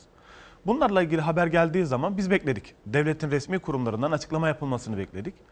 Ee, Kimdir, nedir diye araştırma yaptık. Hatta birçok e, sosyal medyadaki kişilerden paylaşımlar gördük. Gazetelerden paylaşımlar gördük. Şehitlerimizin yakınlarından ve üye olduğu derneklerden paylaşımlar gördük. Nihayetinde de Sayın Cumhurbaşkanı bir mitingde çıkıp birkaç tane şehidimiz var dedikten sonra biz gazetecilik gereği bununla ilgili tekrardan sorularımızı sorduk ve bunu haberleştirdik. Ardındansa sadece sosyal medya hesabımdan, ben kendi hesabımdan e, şehitlerimizi hem andım hem de oradaki birkaç tane kelimesine sistem ederek de bir paylaşım yaptım. Neticesinde ise akşam e, yumurta hesap diye tabir edilen sosyal medyada Sahte, fake sahte, hesaplar. fake hesaplar. E, takibe alındım. C- inanılmaz tehditler, bir başka e, küfür, sinkaflı laflar filan. Akşam olduğunda ise cep telefonuma bir anda 4.5G kullanırken 2G'ye düşmek istiyor musunuz diye bir mesaj geldi. Ne olduğunu anlamaya çalışırken ben Senin böyle bir talebin yokken Yok tabii, böyle GSM talebim yok. operatöründen sana bir mesaj geldi. Evet. Aslında oyun orada başladı. Tabii ki. Sonra bir mesaj daha geldi. Aynı mesaj. Ve ardından ne olduğunu anlamaya çalışırken doğrulama kodları gelmeye başladı. Eyvah dedim. Yani bir, bir Yani işlem yapılıyor. senin cep telefonuna girdiler. Evet. Sızdılar. Evet.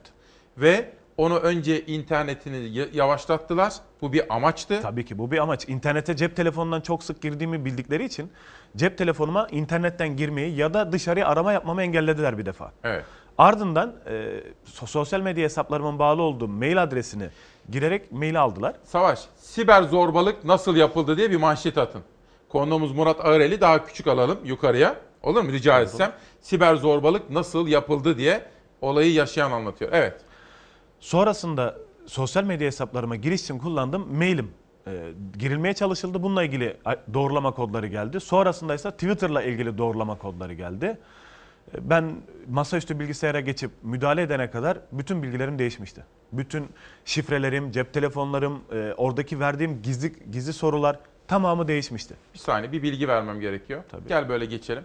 Sevgili izleyenlerim, artık hepimiz tabii akıllı telefonları da kullanıyoruz ama bilenler var, bilmeyenler var. Küçücük bir bilgi vermek isterim. Twitter'da, Instagram'da, diğer sosyal medya hesaplarında hırsızlıklara, zorbalıklara karşı alınan önlemler var. İki adımlı doğrulama diyoruz buna. Mesela birisi bizim adımıza ki benim başıma da geldi. Benim e-maillerime de girdiler 2 ya da 3 yıl evvel. Bunu önleyebilmek için cep telefonu şahsiyemiz şahsımıza ait ya. Cep telefonuna mesaj geliyor. Diyor ki böyle bir talep aldık. Eğer bu sizseniz işte doğrulama kodu bu. Yani size bir şifre veriyor. Bu aslında sizi garanti altına alma konusunda bir güvence. Yani sizden hesaplarınızı çalabilmek için cep telefonunuzu çalmaları gerekiyor. Böyle eliyle fiziki olarak. Ama şimdi ben öğreniyorum ki bunu ilk defa öğreniyorum. Cep telefonuna da sızıyorlar. Kesinlikle. Yani senin sana özel olarak gönderilen doğrulama kodunu çalmışlar, öğrenmişler. Bu nasıl oluyor? Kesinlikle. Bununla ilgili de ben hesaplar zaten sabaha kadar uğraştım. Bir şey yapamadım. Ee, Yazdım kitapla alakalı bir şey diye düşündüm ben. Bekliyordum çünkü böyle bir şeyi. Ama sabah Batuhan'la konuştuğumuzda yine Yeni Çağ Gazetesi yazarı, değerli meslektaşım Onun da Batuhan başına Çolak aynı şey geldi. Aynı geldi. Ee, sabah konuştuğumuzda hesaplarının onun da alındığını ve aynı şekli izlendiğini öğrendim. Ve anladık ki bu bir operasyon. Ee, Turkcell'i aradım. Ee, Turkcell yetkilisiyle görüştüm. Ee, ve dedim ki böyle 2G'ye geçmemle ilgili bir me- mesaj geldi. Ben böyle bir başvuruda bulunmadım. O- müşteri hizmetlerinde Süleyman Bey diye 2.32'de siz doğrulama mesajı atmışsınız Murat Bey dedi. Ha, siz atmadınız. Ben atmadım. Ya dedim ben bununla herhangi bir girişimde bulunmadım. Ve düşünün dedim 4.5G kullanan bir insan neden 2G'ye düşmek ister? Akla mantığa aykırı bu. 4.5G bi- bilmeyenler için de söyleyeyim. İnternette daha hızlı. Daha hızlı, daha Sizin telefonunuzu, bağlantınızı daha hızlı iletişim kurmanızı sağlayan bir e, modül mü deniyorlar ona ya da ne bileyim Bir imkan diyelim. Bir imkan diyelim. 2G'ye düşürülmüş.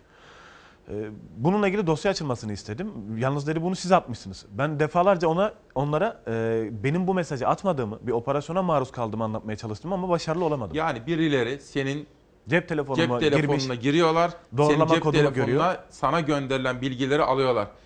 Murat çok tehlikeli Çok. bu. Basit bir olay değil. Çok. Bunu yapan ne yapar biliyor musun? Mesela ben seni sevmiyorum. Girdim cep telefonuna.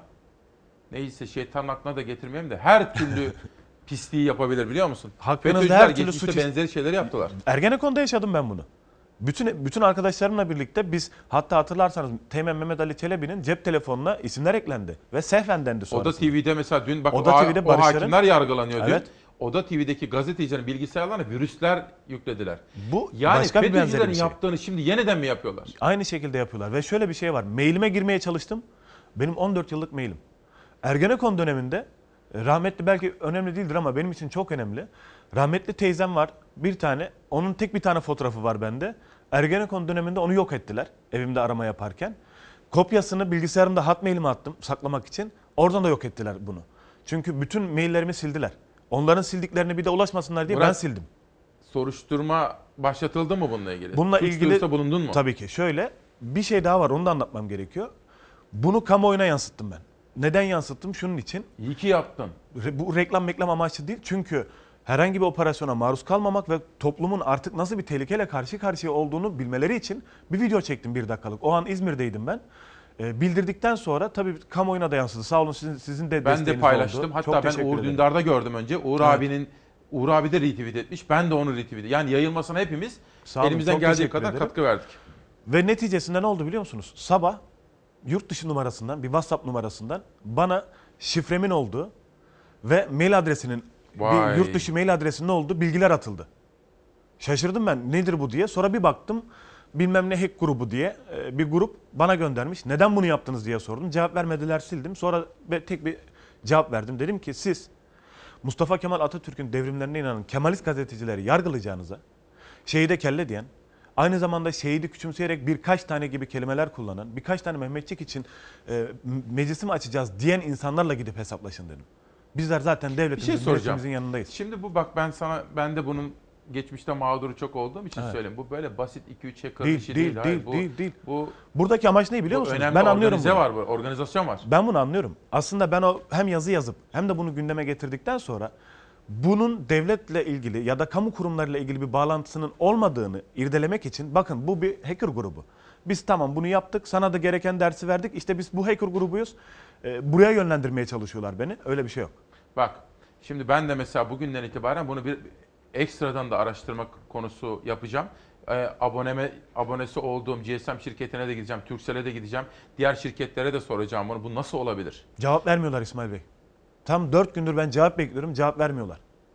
Şimdi devletimizin içindeki bir grup değilse Evet. Ya da devletimizin içinde geçmişte FETÖ'cülerin yaptığı gibi sızmadılarsa ya da Turkcell'e sızmadılarsa FETÖ'cülerin yaptığı gibi o zaman açıklama yaparlar ve bununla ilgili bilgilendirme yaparlar. Ben Eğer bunun üzerine yatarlarsa o zaman anlarım ki işin içinde pis işler var. Daha büyük işler var. şöyle bir şeyle düşündüm. Acaba dedim benim hakkımda gizli bir soruşturma var. Gizli bir soruşturma hakkında da böyle bir etkileşim olur ya hani yaşadık bunu. Böyle bir şey mi var diye o zaman Batuhan nereye koyacağız bunun içerisinde? Peki. Peki en sonunda WhatsApp'tan gelen mesajı nereye koyacağız? Peki. Bir türlü Şimdi konumlandıramadım. bu konuyu takip edelim. Savcılar suç duyurusunda bulundun mu? Bugün imajları çıkıyor bilgisayarımın. E, telefonu et çıktı. konuyu, Tabii ki baş- başvuracağız ve bütün ayrıntılarla Peki. birlikte de size bildireceğim. Şimdi efendim sizlere söyledim bu Murat Ağırel benim Barış Terkoğlu gibi genç kuşağın böyle Barış Pehlivan gibi çok başarılı gazetecilerinden biri. Araştırmacı gazeteci. Sarmal isimli kitabı çıktı. Ben size aslında bu kitabı tanıttım daha önce. Üzerinde çok fazla detay veremedim henüz ama Murat Ağırel, Sarmal. Murat hani araştırmacı gazetecilerin genç kuşaklarının temsilcilerinden bir tanesi. Biz bugün kendisiyle böyle sabaha da beraber başlayalım. Çünkü çok da okuyan birisi. Gazete manşetlerini beraber okuyalım. Memnuniyetle. Ekonomiye de bir bakalım. Mesela dün sizlere anlatmıştım. Koronavirüs dünya ticaretine etkileri nedeniyle güvenli liman olarak görülen altın aldı başını gitti demiştim. Sırada altının dünden bugüne yansıması var. Koronavirüs salgını nedeniyle rekor üstüne rekor kıran altın geri vites yaptı. Altın fiyatları zirveden inişe geçti. Gram altın 9 lira, çeyrek altın 15 lira geriledi. Koronavirüs 30'dan fazla ülkeye yayıldı. Hastalık yüzünden ölenlerin sayısı 2700'ü aştı. Virüs küresel ticareti de vurdu. Dev şirketler Çin'deki üretimlerine ara verdi. Birçok ülke Çin'den ithalatı durdurdu. Sadece Çin'de değil, Türkiye koronavirüs nedeniyle İran'la sınır kapılarını kapattı. Birikimi olanlar, yatırım yapmak isteyenler güvenli liman olarak gördüğü altına yöneldi ve altına olan ilgi fiyatları yukarı yönde hareketlendirdi. Dün sabah saatlerinde gram altın 333 liradan, çeyrek altın 546 liradan, Cumhuriyet altını ise 2235 liradan alıcı buldu. Altına olan büyük ilgi virüsle ilgili aşı çalışmalarının olumlu yönde ilerlediği haberleriyle azaldı. Doyum noktasına ulaşan altın fiyatları zirveden döndü, gerilemeye başladı.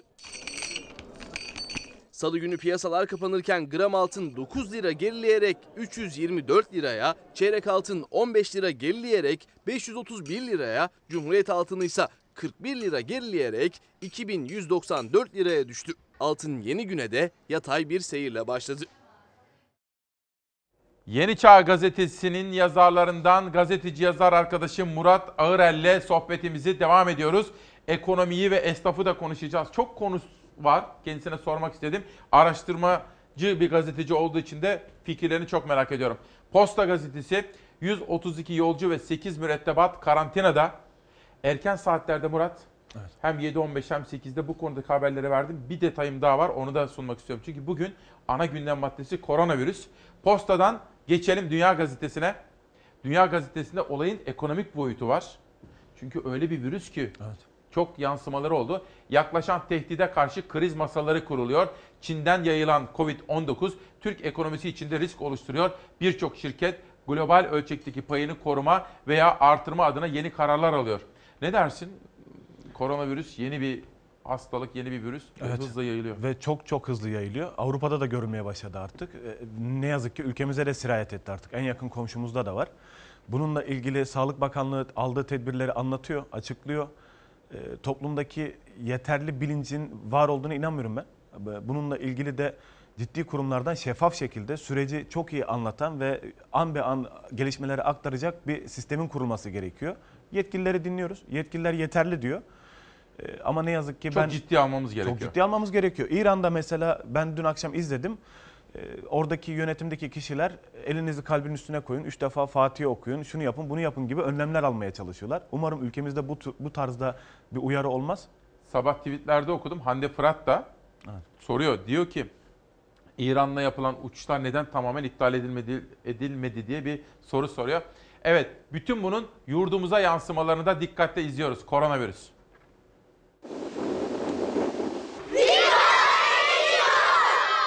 Okulumuza bugün bir doktor geldi ve koronavirüsünden nasıl korunacağımızı anlattı. Koronavirüs yurda adım adım yaklaşıyor, virüsün bulaşma ihtimali bile panik olmaya yetiyor. İran'dan giren kaçak göçmenler korkuttu. Göçmenlerden ikisi koronavirüs bulaştırma şüphesiyle hastanede tutuluyor.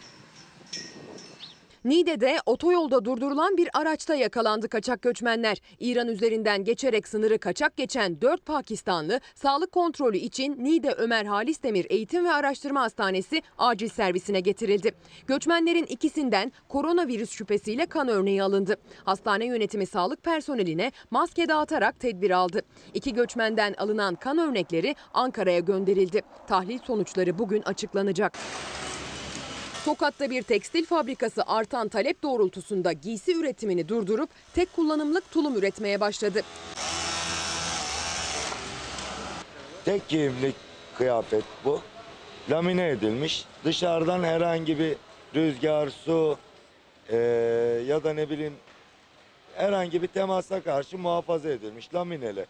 Turhal ilçesinde günlük 1000 kapasiteyle tulum üretimine başlayan firma 1 milyona yaklaşan siparişe yetişmekte zorlanıyor. Çin'den ve pek çok ülkeden sipariş alan fabrikanın yöneticisi İsa Aktaş, taşeron firmaları da devreye sokarak talebe yetişmeye çalıştıklarını açıkladı. Vardiya sayısını arttıran fabrika gece gündüz durmadan koronavirüse karşı koruyucu tulum üretiyor. Çin'de koronavirüsü olmasıyla birlikte bizim adetlerimiz e, patlama yaptı. Binde oldu 10 bin, 10 binde oldu 100 bin siparişlerimiz, 100 binde oldu 1 milyon. Şimdi yetişmekte zorlanıyoruz. Tuvalete gitmeden önce, lavabolara dokunmadan önce, tuvaletten çıktıktan sonra muhakkak hem bol su kullanmamız lazım hem elimizi sabunlu suyla yıkayıp tek kullanımlık peçetelerle kurutmamız lazım. Ortak malzeme kullanmamamız lazım. Son olarak koronavirüs nedeniyle 15 kişinin öldüğü İran'ın sınır komşusu olan Van'da bir okulda koronavirüsten korunma yolları ile ilgili öğrencilere bilgi verildi. Taze sebze ve meyveleri tüketmeliymişiz. Süt ürünleri, yumurta gibi şeyler kullanacakmışız. Kirli yerlerde dolaşmayacakmışız. Erciş'te çocuklara dengeli beslenmeleri, yeterli uyku uyumaları ve sık sık ellerini yıkamaları konusunda bilgilendirme yapıldı. El dezenfektanı dağıtıldı. Şöyle uzaktan bir fıs yapıyoruz. Bir fıs da bu elimize yapıyoruz. Ondan sonra şöyle yapıyoruz. Sonra şöyle yapıyoruz. Demek ki 26 Şubat'ta halkımız ne istiyor manşeti? Bir deprem, iki koronavirüs, üç İdlib, Amerika-Rusya arasındaki Suriye satrancı ve bizim buradaki pozisyonumuz ve bugün siber zorbalık. Hiçbirimiz güvende değil miyiz? Devlet bizim kişisel bilgilerimizi korumuyor mu? Yeni Şafak, Yeni Çağ gazetesi yazarı Murat Ağırel ile konuşuyoruz. Murat bir de çiftçi manşeti var. Milli Gazete. 1 milyon 100 bin çiftçiye hukuksuz atama. Milli Gazete Türkiye'nin en önemli çiftçi kuruluşunda yaşanan büyük bir hukuk skandalını ortaya çıkarttı. Tarım ve Orman Bakanlığı büyük bir hukuk skandalı ile çalkalanıyor.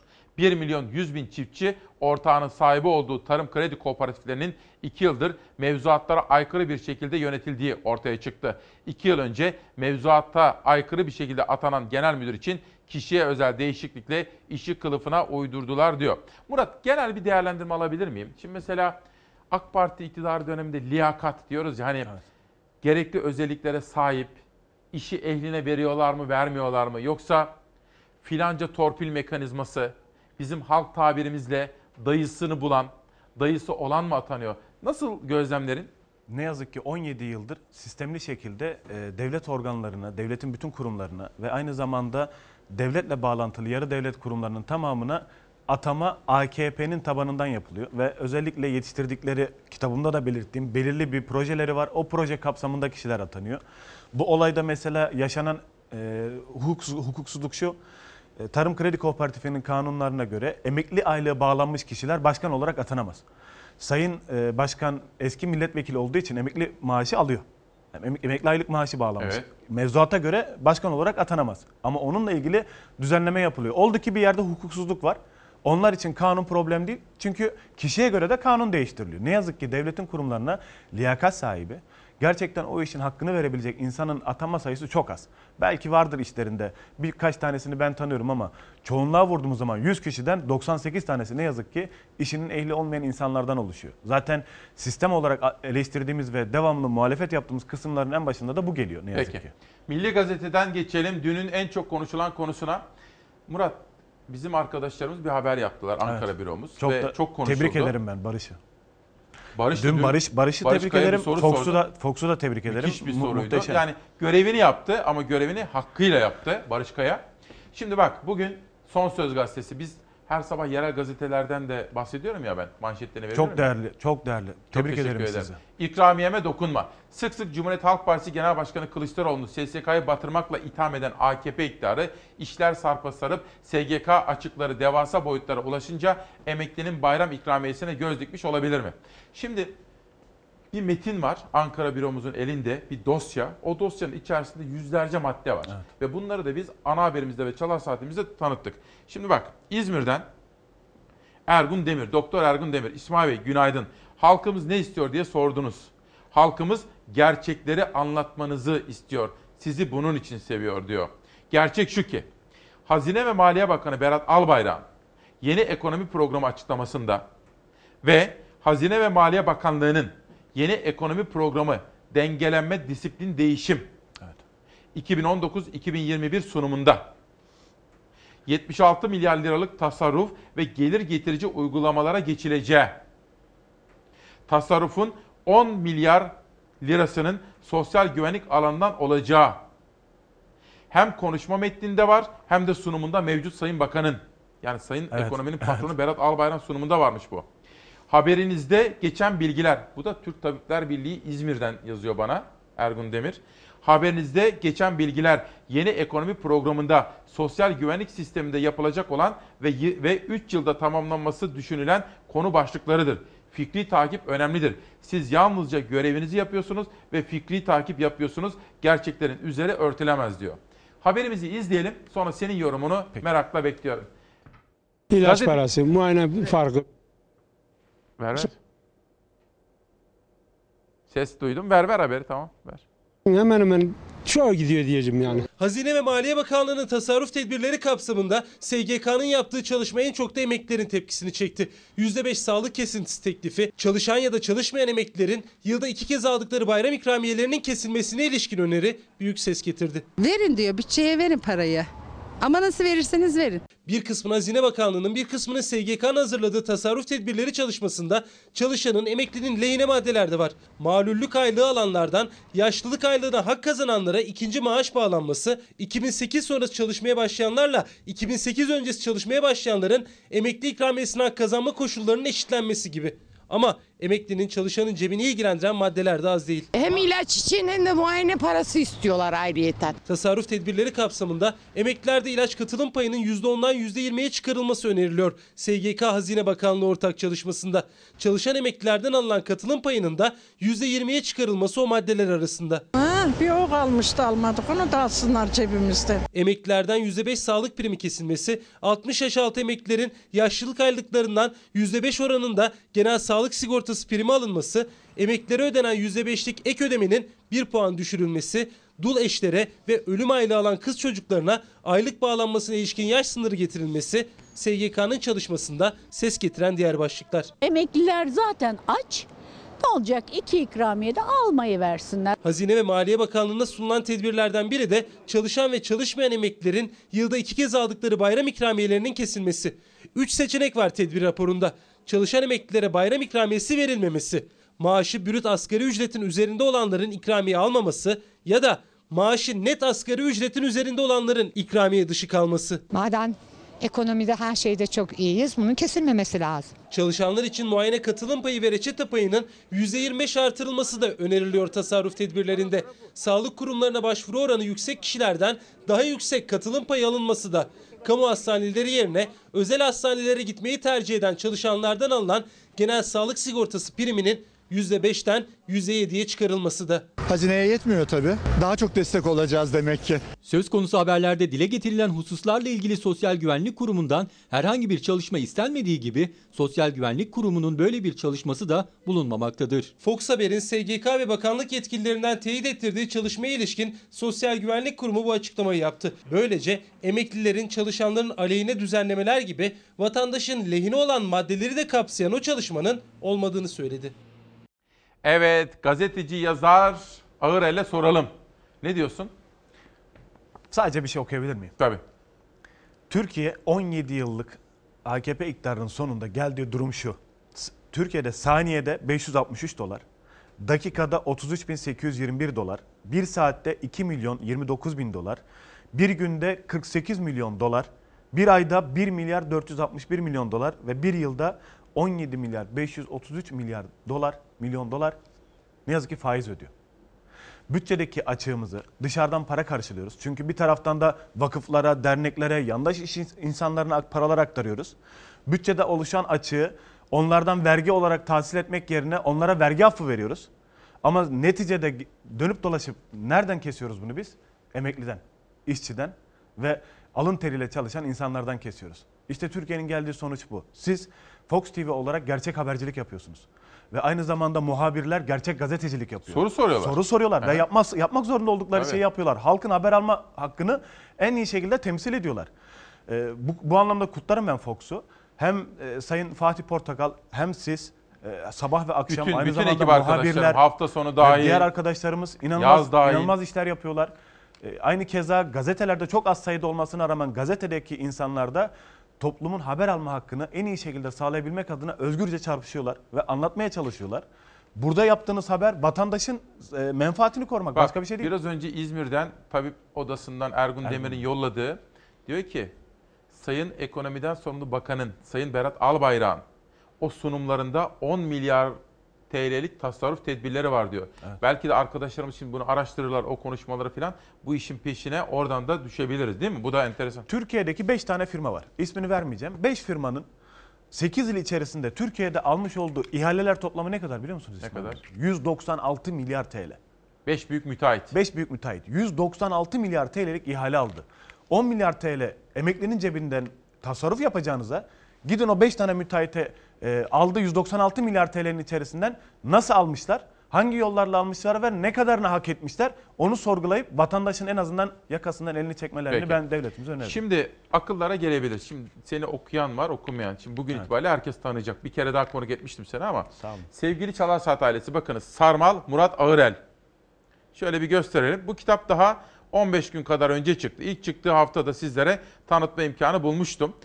Peki yazarı tanıyalım mı biraz? Murat kimsin sen? Bir anlat bize azıcık böyle nerede doğdun, ne zaman doğdun, annen baban nerededir? Y- e, Adana Ceyhanlıyım ben. Bundan da gurur duyuyorum. Adana Bak Yunus abi, hemşerin. Adana Ceyhanlıyım ben. E, annem babam hala Adana Ceyhan'da ikamet eder. Ben İstanbul'dayım. İki tane çocuğum var. Allah bağışlasın. E, buraya geldim ve mücadeleyle başladı hayatım. İşe nereden başladın?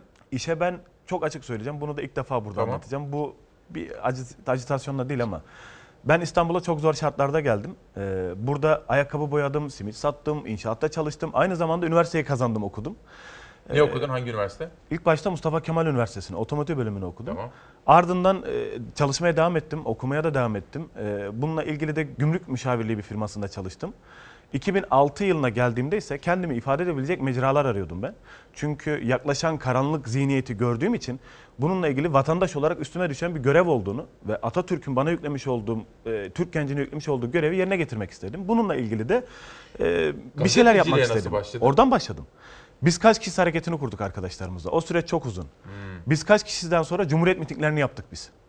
Cumhuriyet mitinglerinin birkaçının da tertip komite başkanıydım ben. Tuncay Özkan'a mı yakınsındır? Tuncay Özkan'la birlikteydik ama ben kimseye yakın değilim. Peki. Ben sadece halka yakınım. Tamam. Ee, Bunlarla birlikte biz mücadele ettik ve e, neticesinde de 2008 yılında e, devletimiz bir terörist görerek Ergenekon'dan gözaltına aldı. E, Bununla ilgili 12 yıl boyunca yargılandı. Orada o zaman nerede çalışıyordun? Ergenekon o zaman sürecinde. e, gümrükte çalışıyordum. E, tabii çıkarıldık.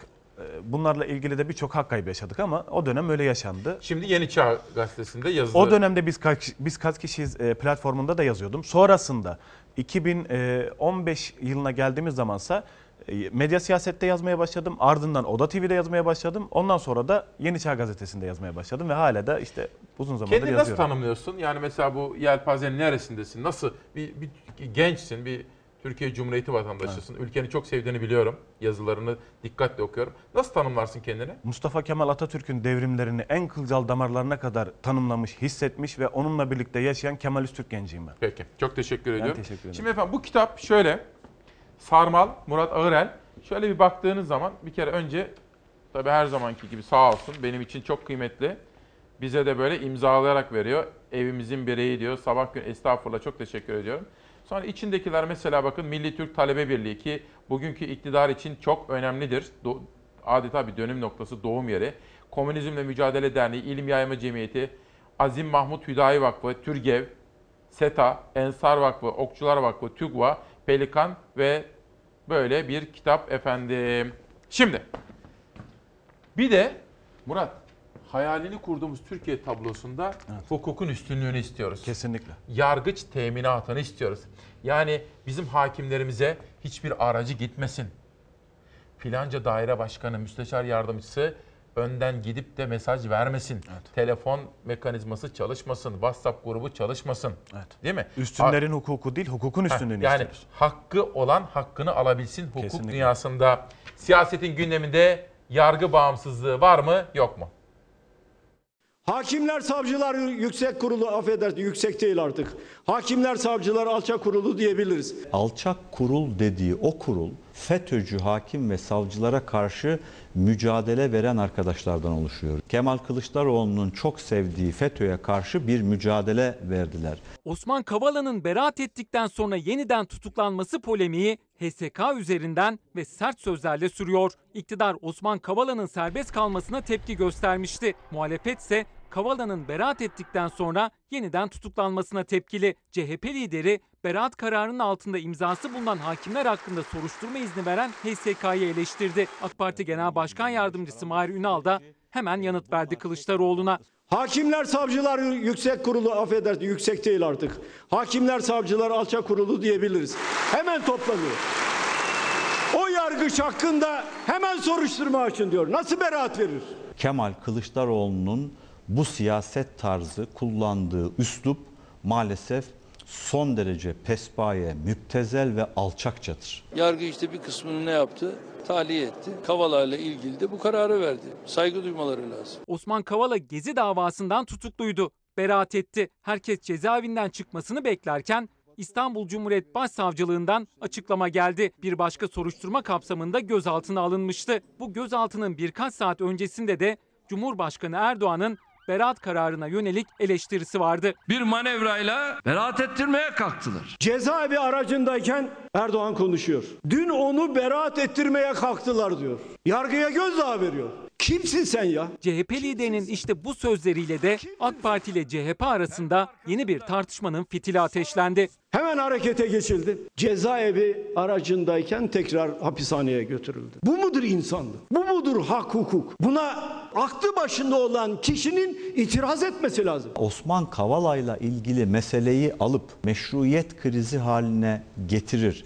Bunun üzerinden hakimler, savcılar alçak kurulu gibi çirkin bir ifade kullanırsanız yarın devletin hangi mekanizmasına e, sizin seçmeniniz, sizin tabanınız güvenecektir? Verilen özellikle beraat kararı sonrası böylesi bir tasarrufta bulunması, benzer görev yapan mahkeme hakimlerinin açık bir şekilde baskı altına alınması ve anayasanın açık ihlalidir. Eleştiren sadece muhalefet de değil 30 baro ortak bir açıklamayla Hakimler Savcılar Kurulu üyelerini istifaya çağırdı. Evet Murat Ağırel gazeteci yazar ona bunu soracağım. Fakat bakın Pencere gazetesinde bugün 3 haber seçtik. Acaba Ağırel bunları nasıl yorumlayacak? Bir, bu kez hakimler yargılandı, mağdur Ahmet Şık oldu. Şimdi Murat şöyle, devran bir kere dönmeye görsün. Ergenekon soruşturması kapsamında Oda TV'deki aramalar sonrasında gazeteciler Ahmet Şık, Barış Pehlivan, Barış Terkoğlu, Soner Yalçın ve Nedim Şener'in de aralarında bulunduğu 13 kişiyle ilgili dava dosyasında tutukluluğun devamı yönünde karar veren hakimler sanık sıfatıyla Yargıtay'da hakim karşısına çıktı. Buyurun buradan yakın. Türkiye'de hukuk sisteminde acayip şeyler oluyor. Mesela Osman Kavala'yı az önce gösterdik. Hemen verelim arkadaşlar. Şimdi Osman Kavala ile aynı dünya görüşüne sahip değilim. Ee, Birçok konuda ayrışırız. Bir şey Eleştiririm de. Onun Kızıl e, Kızıl diye biliniyor. Geçen Evet, haftalarda evet. Soner Yalçın ya yazdı. şimdi bunun şimdi Osman Kavala ile ilgili eğer o sahip olduğu Soros destekli vakıflarda e, yöneticiliğinden dolayı eğer işlem yapılıyorsa ben aklıma takılan şu var. O vakfın kurucusu Can Paker. Şimdi o vakfın kurucusunun va- var olduğu yazdığı kitaptaysa staj yapan Sayın Cumhurbaşkanı'nın kızı Sümeyye Erdoğan. Aynı vakıfta Nerede? Soros'ta mı? So- Soros'un desteklediği Açık Toplum Vakfı'nda. Aynı zamanda e, Can Paker şu anda nerede? E, Birçok vakfın, derneğin, Sayın Cumhurbaşkanı'nın oluşturduğu vakıfların, derneklerin başında. E, devlete aynı zamanda rapor da yazıyor, rapor da düzenliyor. E, O kişiler yargılanmıyorsa Osman Kavala bundan neden Bir yargılanıyor? tutarsızlık var. Bir tutarsızlık var. Aynı zamanda az önce de söyledik ya, hukukun üstünlüğünü savunmak zorundayız biz. Bu kişi hakkındaki o masumiyet karinesini mutlaka savunmak zorundayız. Kişiden bağımsız olarak. Bunu savunmadığımız zaman ne oluyor biliyor musunuz? İşte az önce Ahmet Şık'ın haberinde olduğu gibi.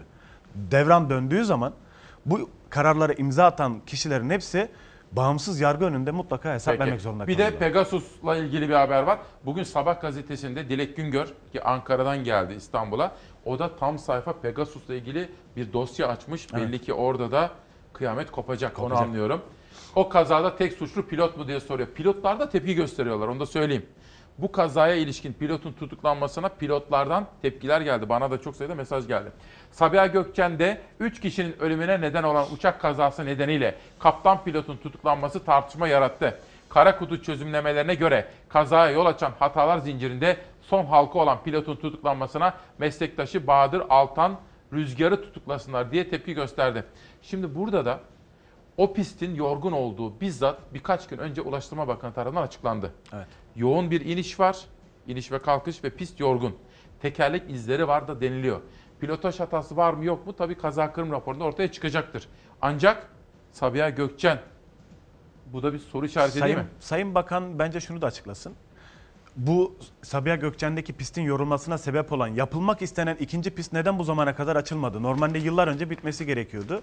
İkinci pisti yapan inşaat firmasının, firmasının sahipleri aynı zamanda yeni yapılan havalimanının da işleticisi olduğu ve bunlarla ilgili bir arasında bağ var mı yok mu bunu açıklasın Sayın Bakan.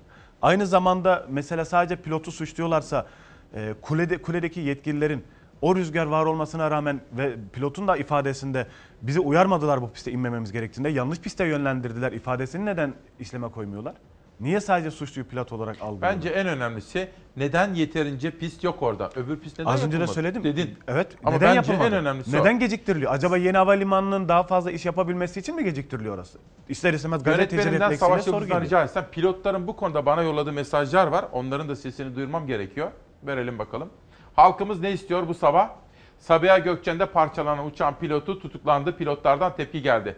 Üzücü kazanın sebepleri henüz net olarak belirlenmemiş iken pilotlara yönelik olumsuz izlenim oluşturabilecek ve pilotların görevlerini ifa esnasındaki karar alma özgürlüklerini kısıtlayabilecek söylem, eylem ve işlemlerden olabildiğince kaçınılmasının uygun olacağı yönündeki kanaatimizi kamuoyunun değerli bilgisine sunarız.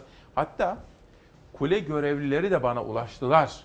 Evet. Dediler ki kocaman bir sistemin hatası nedeniyle bazı kişiler suçlanamaz diye bana bilgilerini gönderdiler. Şimdi bir haber izleyelim. Senin bu kitabında da önceki kitabında da Yeni Çağ'daki yazılarında da dikkatimi çeken bir husus var. İstanbul Belediye Başkanlığı el değiştirdi ya. Evet.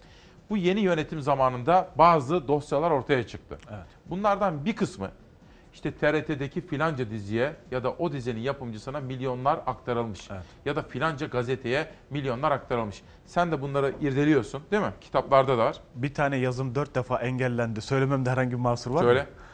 Mesela İstanbul Büyükşehir Belediyesi Kültür AŞ'den ihale alan bir firmamız var. Plan B Organizasyon.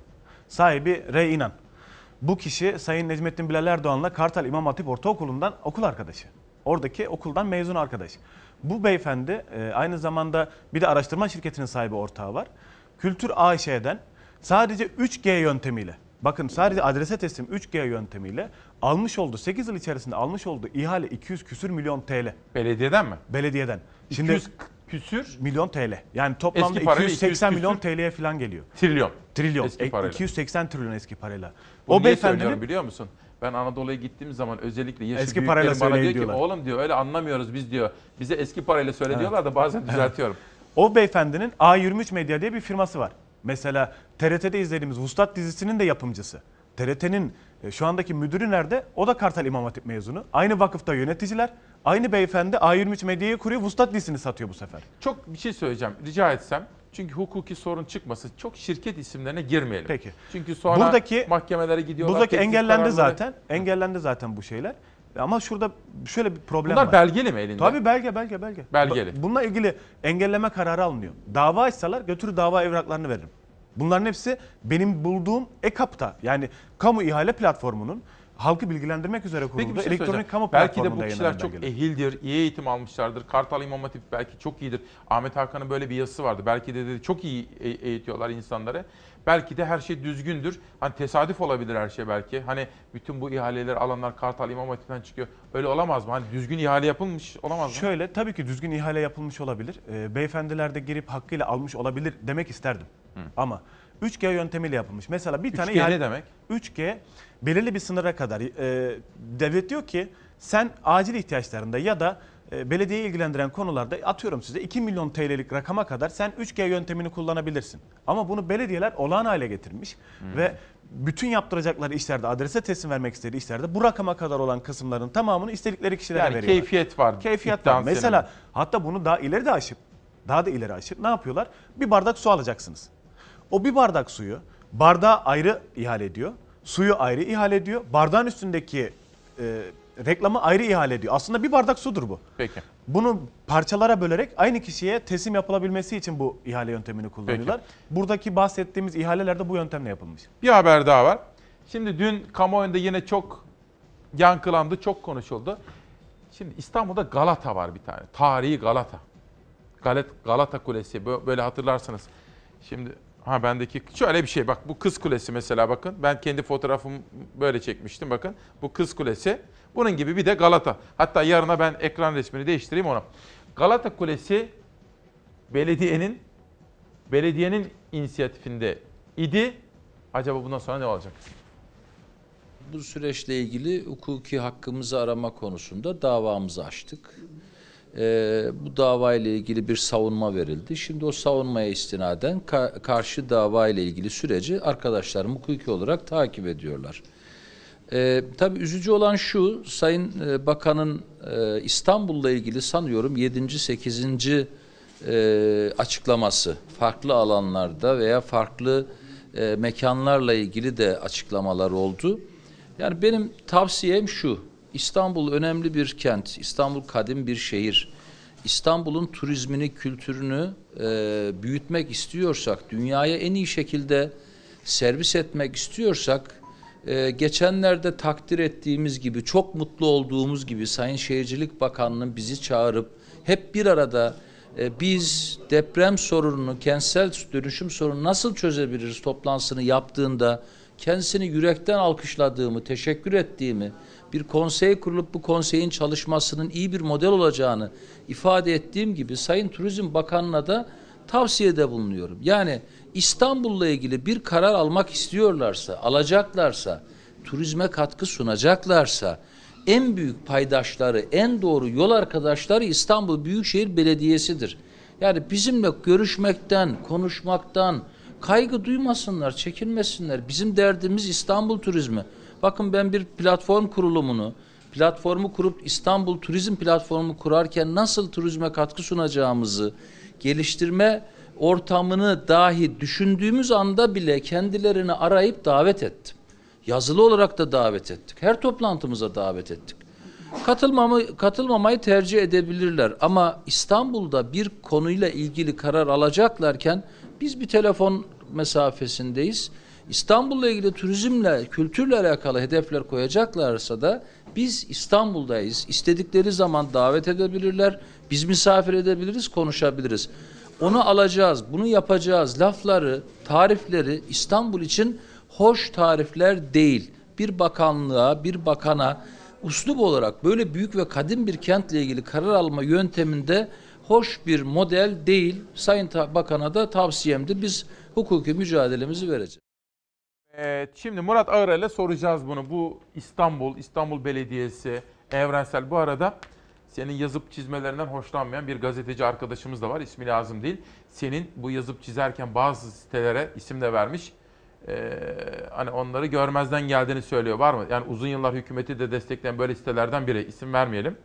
Ama onlardan birini görmüyor diyor. Varsa tutarlık onu niye söylemiyor Yok diyor. ben o şöyle söyleyeyim. Doğru İsim söylüyor. vermeden Doğru söyle. söylüyor. Ee, yalnız ben onlar gibi gazeteci değilim. Ben bilgi belgeyle iş yapıyorum. Belgeyi bulduğum anda da kim olursa olsun, adı ne olursa olsun, partisi ne olursa olsun onu yayınlarım. Yani senin arkadaşın, sunarım. babanın oğlu falan belgeyi değil. bulsam, belgeyi bulsam evet birkaçına ulaştım. Belgeyi bulsam direkt yayınlayacağım zaten. Tamam peki. Şimdi Evrensel Gazetesi'nde bugün kanala ayrılacak parayla riskli binalar yenilenebilir. İstanbul Büyükşehir Belediyesi Deprem Risk Yönetimi ve Kentsel İyileştirme Daire Başkanı Tayfun Kahraman. Şimdi İstanbul bir deprem bekliyor. Evet ne yazık ki. Naci Görür hocam dedi ki 7.2 7.3 civarında bir depremin İstanbul'da olma olasılığı bak 10 yılda böyle bir depremin olma olasılığı yüzde kaçmış biliyor musun? 60. Yani ol- olacak. İzmir'de olacak. Evet. Kuzey Anadolu fay hattında olacak. Doğuda olacak. Peki biz gereken önlemleri alıyor muyuz? Bu konuda gözlemlerin nedir? Şöyle en son avcılarda bununla ilgili Sayın Avcılar Belediye Başkanı e, bir gerçekten büyük bir mücadele verdi, bir proje yaptı. Proje İstanbul Büyükşehir Belediyesi'nde e, görüşmedeydi, bekletiliyordu ama bakan Sayın Bakan açıklama yaptı. Artık bu proje hayata geçecek ve bundan sonraki yapılacak Kanal İstanbul gibi projelere 100 milyar TL, 80 milyar TL gibi para harcayacağımıza o 100 milyar TL ile İstanbul'daki bütün yıkılma ihtimali olan raporda okudum 52 bin tane bina var. 52 bin tane. Bu binaları güçlendirip ya da yerine yeniden gerçekten depreme dayanıklı binalar yapmamız gerekiyor. Çünkü e, deprem öldürmez. Hı hı. İhmalkarlıklar öldürür. Bravo. Onun için Kanal önlem İstanbul'a ne diyorsun Murat? akıllara uy- uyan bir proje değil. Zaten başından beri söylüyoruz. Hatırlarsanız ge- daha önce katıldığımda da söylemiştim. Yok olacak e, bitki ve hayvan popülasyonunun dışında oradaki yaratacağı tahribat çok büyük. E, İstanbul'a vereceği zarar çok büyük. Aynı zamanda bu kadar borcun içerisindeyken emeklilerden para kesip 10 milyar TL tasarruf yapmayı düşünürken 100 milyar TL kalkıp da oraya para atıyoruz ve ne karşılığında olduğunu da bilmiyoruz. Hali hazırda elimizde almadığımız bizim Mondros e, özür dilerim e, daha önce 1936 yılında e, var olan haklarımızı biz daha alamadık. Frank altınıyla geçişler var Boğaz'dan. Biz daha onu güncelleştirip de hak etmiş olan para, paramızı almadık. Onu yapsak zaten Boğaz'dan gelecek gelire de ihtiyaç yok. Bence bir an önce e, ki gündemden de düştü artık. Peki. Bir an önce de vazgeçilmesi gerekiyor diye düşünüyorum. Şimdi bugün şimdi biz her sabah güne başlarken izleyenlerimizle birlikte manşetleri okuyoruz, yazarlardan alıntılar yapıyorum. Günün adını beraber koyuyoruz. Kayıplarımız varsa hani acıda ve tasada ve kıvançta birlikteyiz diyoruz herkesle. Bugün 3-4 kitap 3-4 alıntı yapacağım. Bunlardan bir tanesi bir günün bakın sürmanşeti Erdost'u kaybettik. Marksist klasikleri Türkçe'ye kazandıran sol yayınlarının kurucusu. Ülkemizin önemli düşünce ve mücadele insanlarından Muzaffer İlhan Erdost 87 yaşında hayata gözlerini yumdu. Erdost 12 Eylül'ün ardından işkencede öldürülen kardeşi İlhan Erdost'un adını kendi adına eklemişti. Muzaffer İlhan Erdost kardeşinin ardından yazdığı şiirde şöyle demişti. İlhan, İlhan, İlhan, İlhan, sular çavlan, kuşlar pervan, gittin mi can, gittin mi can demişti. Bugün ayrıca Atatürk döneminin çok önemli bir aydınlanmacısı Kitapta da yazmıştım. Hasan, Hasan, Ali Yücel. Unutulmayacak. Bugün. Erdal Atıcı, Köy Enstitüleri ve Çağdaş Eğitim Vakfı Başkanı Hasan Ali Yücel'i bu özel günde unutmamış efendim. Tabii FETÖ'yle mücadele Nedim Şener'in yazısı dikkat çekici. Dün emniyetteki bir kaynağım da dikkatimi çekmişti. Rize Emniyet Müdürü cinayetinde de FETÖ parmağı bulunmuştu. FETÖ imamından Yazıcıoğlu itirafı Nedim Şener de bu olayın peşinde. Yani Yazıcıoğlu cinayetinin perde arkasını araştırıyor. Şimdi senin yazılarına şöyle bir baktık sabah. Antalya sahillerinde dönen oyunlar. Evet. Konyaaltı plajı mı? Konyaaltı plajı. Ne oluyor? Konyaaltı plajında e, normalinde yap işlet devlet modelli bir proje yapılması gerekirken ne yazık ki e, belediye bu yapılması gereken işleri üstleniyor. Orada yaklaşık 200 milyon TL gibi bir para harcıyor. Onun neticesinde de kiraya veriyor. Kiraya verdiği rakamda da 2 yıl içerisinde sadece 2 yıl içerisinde 15 milyon TL zarar ediyor belediye. No- e, normal dönemde ise 18 yılı daha var işletici firmanın. O rakamı da aldığımızda 100 milyonlarca TL zarar edecekken Antalya Büyükşehir Belediyesi el değiştirdikten sonra Muhittin Böcek tespit ediyor. Sayıştay da bunu tespit ediyor. Diyor ki burada bir kamu zararı var. Bu projeyi durdurun diyor. Mahkemeye başvuruyor. Proje durduruluyor. Tabii ki o da çok ünlü bir hanımefendinin damadı. Ee, Onu söyleyebiliriz çünkü çok konuşuldu. Kendileri de Alkoçlar. açıklama yaptı. Alkoçlar, Hülya Koçyiğit'in Hülya damadı. Koçyiğit'in damadı. Çünkü aç, apaçık ihale yapıldı. İki belediye başkanı, biz Menderes Tören'in sesini de dinlettiğimiz için Evet. orada söz hakkına saygı duyduk. Evet. Her olayda olduğu gibi. Ki olması gereken de bu tarafsızlık Tabii, ilkesi tabii. gereği. Burada yapılan e, tespiti zaten Sayıştay yapıyor. Sayıştay diyor ki bu burada kamu zararı var. Neye istinaden bu kirayı belirlediniz ve nasıl belirlediniz bilinmiyor. Ve kiralama yapan firma kendi e, tasarrufu olmayan bölgelerde dahi gidip el koyma işlemi yapmış. Yani kiralayacak bir alanı değil orayı da kiralamış. E, Ve bunu da alıyor başka bir taşeron firmaya kiralıyor. Ve devlet ne yazık ki orada zarara uğruyor. Oradaki olaylardan bir tanesi de o yapılan 200 milyon TL'lik işte ise 7 milyon TL zarar var. İhale yapılıyor. Bir tane arı figürlü e, bitki yapılıyor. Bitki normalde 10 milyon TL'ye atıyorum size 1000 TL'ye yapılıyor. Muhittin Böcek araştırmasını yapıyor. 50 TL'ye yapılabiliyor. Duba yapılıyor. Bizim haberimiz var. Bak Duba, Savaş söylesene onu bana. Bak 53 liralık Duba'ya Evet. 1000 küsür lira para 1050 lira 1050 vermişler. lira Belediye başkanı açıklıyor bunu. Evet. Şimdi son olarak bir kere öncelikle bir kere daha teşekkür ediyorum. teşekkür Araştırmacı gazeteciliğin için ve buraya geldiğin için. Son cümleni almak istiyorum. Sarmal, Murat Ağırel. Neden yazdın bu kitabı Murat? Bugünü yo- yorumlayabilmemiz için bizim geçmişi çok iyi bilmemiz gerekiyor. Ve şu andaki mevcut iktidarın ve benim siyasal İslam e, olgusunu e, daha iyi kavrayabilmemiz için bütün ayrıntıları belgelerle bilmemiz gerekiyor. Onun için yazdım. Peki. E, ve son bir müsaade ederseniz bir Tabii, duyuru yapmak istiyorum. tabii ki. Kitabımla ilgili hep bana ne yapabiliriz, seni nasıl destekleyebiliriz diyorlar ya. İşte şimdi cumartesi günü e, Beşiktaş. Kırmızı Kedi'de e, imza günüm olacak. Beşiktaş'ta saat 3'te. E, bütün dinleyicileri, desteklemek isteyenleri, tanışmak Peki. isteyenleri herkes oraya bekliyor. Çok teşekkür ben ediyorum. teşekkür Sağ ederim. ol. Çok sağ olun bu Annene, için. babana, eşine, herkese selamlar Çok sağ söyle. olun, çok teşekkürler. Şimdi ben kitap tanıtımı yapacağım. Lütfen. Bir de Çok Mikail önemli. Aslan'dan çok sevdiğim canım efendim bir tane değiş bugün bir armağan vereceğiz izleyicilerimize. Rahmi Göktepe Bir Mühendisin Anıları. Barış Erdoğan Umutlarım Tutsak isimli öykü kitabıyla Çalar Saat'te. Dersimli bir kız sevdim Celal Demir bu kitabıyla Çalar Saat'te. Ve Sinan Canan'ın işte yeni çıkan kitabı İlişkiler ve Stres. İzin verirseniz o değişi dikkatle dinliyoruz. Sonra ben konuğumu uğurluyorum. Aranıza bugünü kapatmak üzere geri geliyorum. Evet sevgili Türkiye'm, kıymetli Çalar Saat ailesi, bütün ekip arkadaşlarıma hep teşekkür ediyorum. Bugün burada Mümin kardeşim vardı kamerada. Mümin Eskişehirlidir.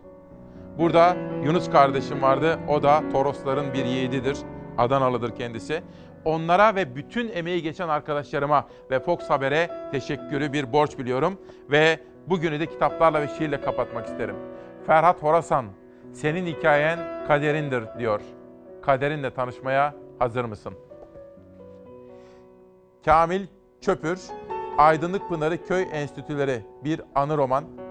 Köy Enstitüleri Aydınlık Türkiye'nin en önemli mihenk taşlarından birisi idi. Ve bakın bu kitaplar imzalı geliyor bize. Arsine 1915, Ali Bayram tarafından yazılmış, Ankara'dan imzalanarak bana gönderilmiş efendim. Ve genç bir şair, Diyarbakırlı. Ama çok güçlü bir dili var, çok güçlü. Tek bir dizi okuyacağım sizlere.